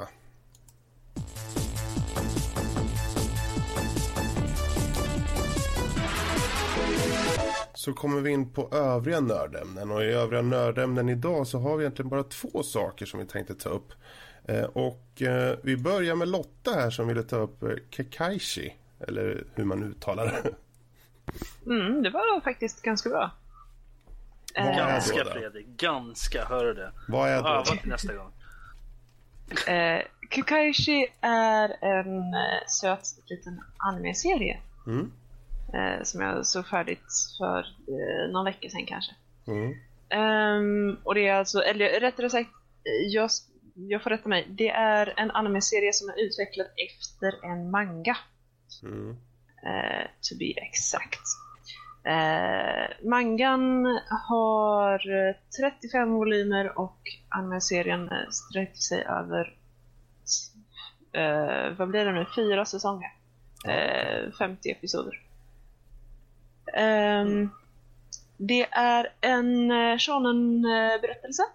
Eh, Och shonen Så- innebär för de som inte vet. Ja, ursäkta. Eh, shonen är eh, anime och manga främst riktade till unga pojkar. Mm. Eh, Lyssna nu. Typ tidigt till mitten av tonåren. Eller, eller vänta, Karl lyssnar på er som du är Ja, yngst. precis. Men det, det är väl det, Lotta, det var det är tidigt till mitten tonåren, är det inte det? eh, det är egentligen yngre än så också. Eh, andra stora shonen-berättelser har vi till exempel Pokémon är shonen, eh, Dragon Ball är shonen eh, Eh, och så vidare. Eh, någonting som väldigt många shonen-berättelser har gemensamt är att huvudkaraktären är en eh, ung kille. Eh, och eh, den här unga killen har någon form av awesome-förmåga. Han är fantastisk på något sätt. Och eh, han eh, utvecklas och lär sig nya förmågor. Det kan vara nya coola attacker eller nya skills eller samlar nya fräsiga Pokémon eller så. Fräsig Mm. Pokémon alltså. Okej. Vad, vad handlar då eh, Kekaishi om? Eh, Kekaishi handlar om två stycken eh, Kekaishi-familjer höll jag på att säga. det är att vara en Kikaishi. Det är någon som eh, skyddar världen mot ondskefulla Ayakashi. Alltså, eh, det kan vara ondskefulla andar eller spöken eller monster, eh, typ. Eh, Övernaturliga väsen, typ. Eller? Ja, precis. Eh, japanska mytologin har ju väldigt många olika former av väsen. Mm. Eh, Ayakashi är eh, en av dem. Eh, typ sorta spirit slash demon Mm. typ. Ehm, anyway, och det är eh, två stycken eh, familjer som hävdar att de är eh, deras familj är ju den, de sanna Kikaishi över det här området. Mm. det finns, man har ett eget område som man beskyddar. Och det här området är väldigt starkt, väldigt speciellt. Eh, men de är inte överens om väl, vilka familjer som faktiskt är den utvalda. Och Eh, när vi kommer in i berättelsen så får vi lära känna då en ung kille som går i mellanstadiet och från den ena familjen och en ung tjej som precis har börjat högstadiet. Och eh, självfallet så är det ju någonting på G där mellan dem. Och det här kommer in lite seinen-inslag. Eh, seinen är sort of en vuxnare version av shonen. Det är ofta lite, lite mörkare, lite vuxnare motiv och teman. Och här har vi då hur eh, killen då, eh, sen de är små, har det här fruktansvärt djupt inrotat i sig att han ska beskydda den här tjejen. Eh, för att han misslyckades med det en gång när de var pyttesmå. Och eh, hon eh, fick horribla ärr på grund av det här. Ehm, men eh, de har lite sådär små flirts eh, going on. Det är inget som händer explicit. Eh, men eh, ja, den är... Det är en väldigt söt serie, tycker jag. Eh, som Lotta, sagt, jag skulle den... vara väldigt förvånad om du inte tyckte att den var söt på något sätt. jag menar, skulle det varit en ful liksom, alla liksom, och du bara, nej, det är ingenting för mig. Den måste vara söt, annars går det bara inte. Vi Men- vet hur du är. Men hur Ja. söt serien? Ja, en skala 1 till 10. Ja, alltså den är inte, den är inte kawaii-söt liksom. Eh, utan den, är, den har en hel del humor. Alltså bara, alltså på Lottas skala av söthet. Jag, jag, jag, jag gör nu som jag till folk jag inte har riktigt full koll på. Det. Jag bara, mm, Ja, okej. precis. Tack Fredrik. Ja. Nej men alltså den har, den har väldigt mycket humor i sig. Eh, ibland så kan man väl känna att det är lite sådär, ja men veckans monster, typ. Eh, men eh, om, man, om man tycker om de här klassiska shonen-serierna Mm. och ute efter någonting mm, aningen mognare så kan man verkligen rekommendera Kikaishi. När du, Eh. när du beskriver serien så, där, så, så det som dyker upp i huvudet på mig är ju alltså Full Metal Alchemist Brotherhood. För den, den är ju lite shonen seinen blandning där. Den har ju väldigt mycket mogna grejer men den är Mm. ändå shonen på något sätt. Eh, är mycket, de har ju sina krafter och lite sånt där. Så det, det, det känns som det är lite, det, är det lite samma ton för att den är ju också väldigt blandad i sin humor och, och, och sådana saker. Eh, skulle det vara någonting åt den tonen eller eh, så att eh, ja. Mm. Jo, ja, alltså som sagt den, den är också ganska blandad. Om man lyssnar så är det väldigt, väldigt tunga teman de berör ibland. Eh, Så att, ja. Ja, det här Men- låter jätteintressant. Jag, jag kommer nog ta ner den här. Faktiskt. Ja. Eh, Gör så. Eh, definitivt. Och jag menar, sen har, man, sen har man den här uppblandningen med till exempel killen då, Yoshimori. Eh, kan vara något fantastiskt klantig ibland. Eh, och jätteklumpig. Det Men... skulle, det skulle inte vara en shonen-serie utan att huvudpersonen var lite klantig. Alltså, det är en sån stor stapel i de där grejerna. Och- Jo men precis, alltså vi, vi, har, vi har till och med det här i, eh, i västerländsk litteratur, begreppet Verbilden-romanen. Att man, man har den unga hjälten som då utvecklas lite från zero to hero på något sätt. Det är väldigt klassiskt eh, berättarknep använt över precis hela världen. Och jag lovar, eh, han klantar till det ganska ofta när han försöker verka cool inför den här tjejen också. Of course. Mhm. Det värsta är att han är ju så cool och så speciell egentligen. Han är, råkar bara vara väldigt klantig också. Så att ofta lyckas han ju ta sig ur problem ändå. Och han fattar inte riktigt hur fantastiska grejerna är som han lyckas göra. Eh, även om faktiskt de runt omkring honom gör det. Men det gör de ju bara ännu surare på honom när han klantar till det och inte tänker. För att, you know, han kunde ju vara så fantastisk, men nej. Ja, det låter i alla fall som en klar rekommendation från din sida, den här serien. Ja, definitivt. Eh, jag, jag kommer faktiskt fortsätta läsa mangan. För att eh, animen, animen slutar efter, nu ska vi se här, är det första... Eh, när, när animen börjar komma ut eh, så kör den bara fram till det att eh, mangan har kört. Mm. Eh, och sen Okej. fortsätter ju mangan eh, ganska många volymer till. Ganska många år till till och med. Mm. Som Eh. Inuyasha alltså. Oh vad arg jag vart på det. Mm. Jag menar Inuya- följde, följde Inuyasha tv-serien, alltså eh, animen. Och så helt plötsligt så kommer den till en punkt liksom där den bara ah, vi ses i mangan liksom i slutet på dagen. Så det är bara Jaha, mm, okej. ja, es, es, usch. Men eh, Ehm. där har vi i alla fall eh, Keikaishi. Eh, Ja. Serien som eh, verkar vara ganska intressant. Särskilt om man gillar lite så här supernatural alla eh, anime. Precis. Så.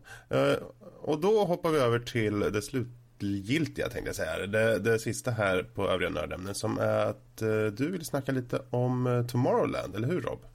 Ja, jag, hade, jag hade den på min lista i, innan den kom ens för jag såg trailern och tänkte "Nej, det där såg coolt ut. Det Mm. verkar intressant liksom. Jag gillar ju här fantastiska eh, situationer, speciellt när det är mycket teknologi, så coola grejer involverat.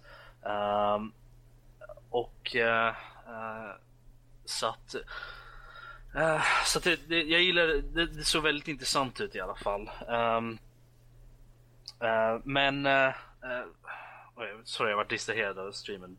La av ett par sekunder. Uh, sorry. Uh, men, nej, men alltså, jag, jag, jag varit intresserad redan av, av trailern och jag, den låg på min lista. Liksom, att det, här, det här är något som jag vill kolla på. Så jag har haft lite så här utkik efter. Men jag har inte haft, jag, jag har inte haft uh, um, möjlighet att se den förrän här för en eh, par veckor sedan ungefär. Och ehm, jag vill inte riktigt, jag vill inte avslöja någonting direkt så här jättemycket men den är väldigt, eh, vad ska man säga, den är ju den, den är väldigt fantastisk på något sätt. Den, den, är, den är väldigt eh, den har, vad ska man säga, framtidens möjligheter och även nutida möjligheter, sådana saker i, i, eh, i ögat på något sätt. Liksom. Att det, det är i åtanke liksom att okej, men de här sakerna är, är, är möjliga. Liksom. Och det, är, det är lite innovationen och, och, och teknologins möjlighet som, och män, mänsklighetens innovationer och, och fantasi som ligger lite i bak, i, i, som ett eh, överliggande tema i, i hela filmen. Och eh, det, den börjar på, um, vad var det, är det 60-talet? Tror jag. Ja, 50 eller 60-talet där. Ja, någonstans där, där de har en, mässan. en sån här liten mässa för Tomorrowland. Tomorrowland är ju alltså tydligen en, en attraktionsställe på Disneyland tydligen.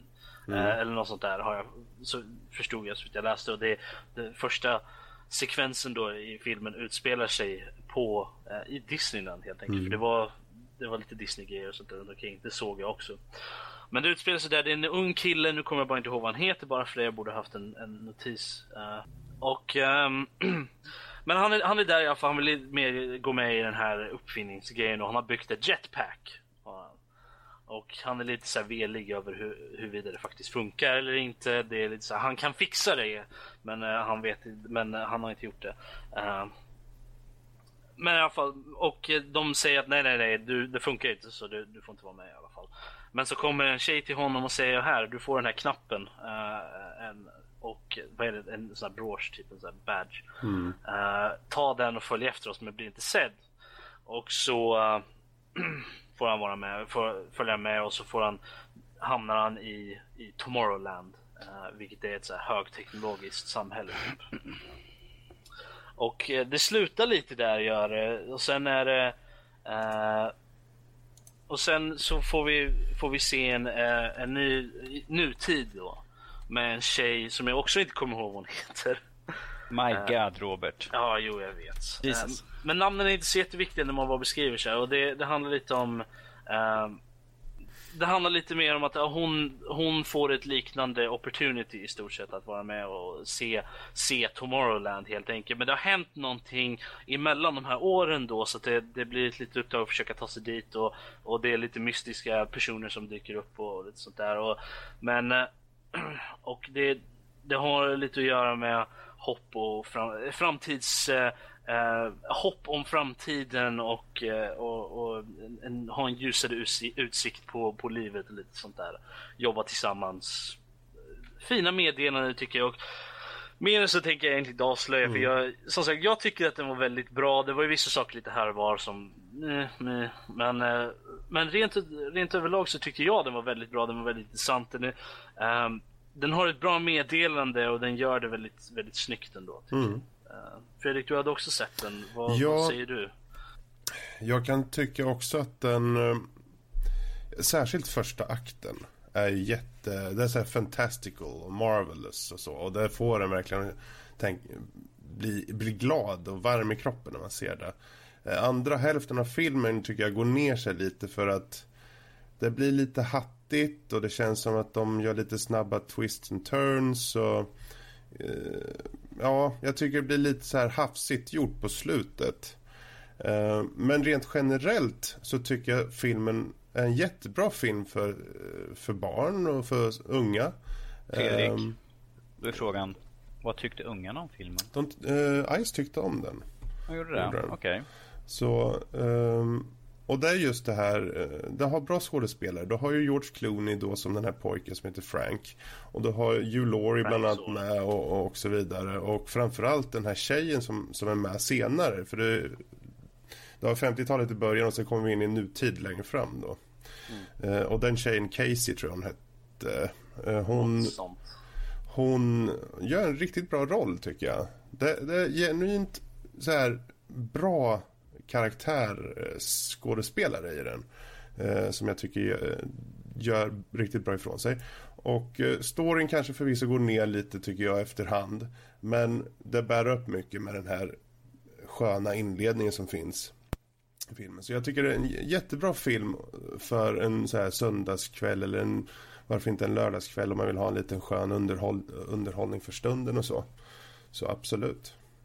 Jag måste säga att jag, jag, någonting som jag tyckte var väldigt bra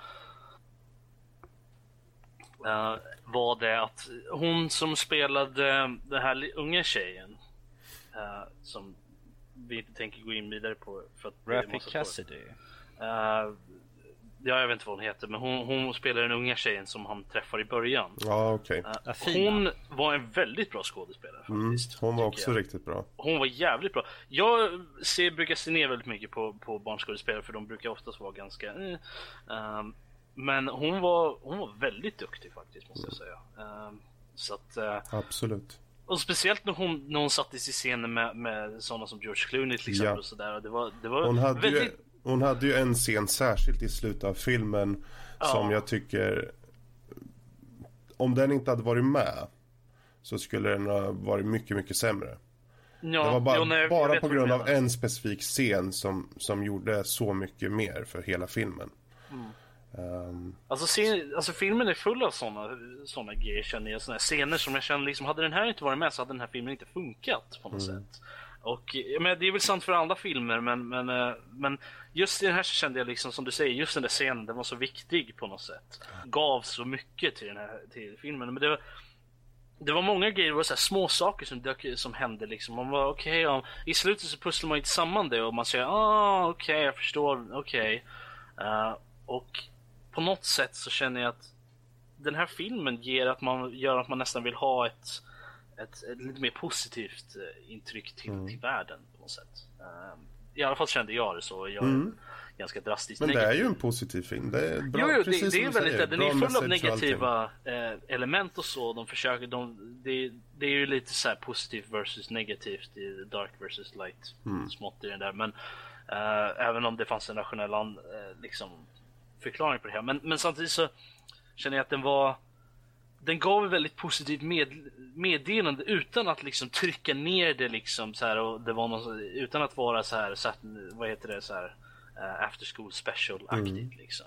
Det var Ingen preachy över det hela. Ja precis, det, det var ju lite, de, de la fram det som en konkret förklaring och argumenterade för och emot det hela. Och det kändes mer naturligt än om de skulle bara sagt okej okay, så här är det så kommer det där, kom din, där kom din gnällbältning mm.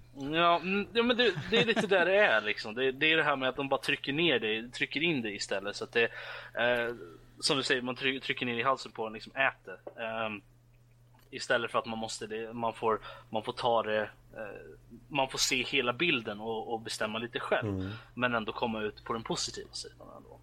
Så att jag, känner, jag känner i alla fall att den är väl värd att titta på vilken ålder den är ändå. Det är klart uh, underhållande film faktiskt.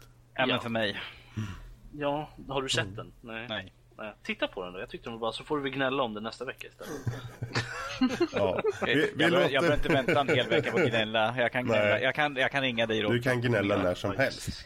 Eh, och med de små gnällande orden så låter vi faktiskt runda av hela podden här. Men eh, först vill vi ju såklart nämna att om ni vill ha mer av Nördliv utöver det som finns i er poddapp eller dator så kan ni ta in Eh, ta er in på vår hemsida www.nordlivpodcast.se.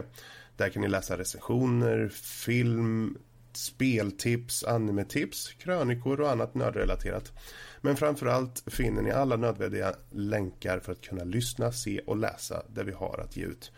Eh, om det så må vara iTunes, Youtube, Steam, Facebook, Twitter, Twitch, Hipcast eller Teamspeak så hittar ni info där. Utöver att ni kan gilla och prenumerera på vår podd via iTunes eh, så kan ni självklart göra även prenumeration på Youtube och Twitch. Och eh, är det så att ni vill någonting specifikt till oss, som sagt, mejla gärna in till oss. Info at nordlivpodcast.se Eller om ni vill nå någon av oss personligen så ta bara förnamnet nordlivpodcast.se så når ni oss individuellt. Eh, vi är alla tacksamma för all feedback och förslag från er som möjligt. Mm. Så. Mm. Vi kan ju prompta för nästa veckas diskussion också. Som inte riktigt satt än. Så Jag har inte det satt, okej. Okay. Yes. Okay. Eh, och eh, vi låter det bli sista ordet. Kommer en eventuell eh, veckans diskussion kommer läggas ut i, i flödet. Så håll koll i Facebook eller Twitter så ser ni det. Ska jag göra så jag vet vad vi ska prata om. Yes. Och eh, vi tackar för oss. Yes, tack så mycket. Thank you. Tack för att ni kollade. Ha det gott. Hej då allihopa. Hej då. Vi älskar er. Eller? oh, Jesus. Inte dig i alla fall.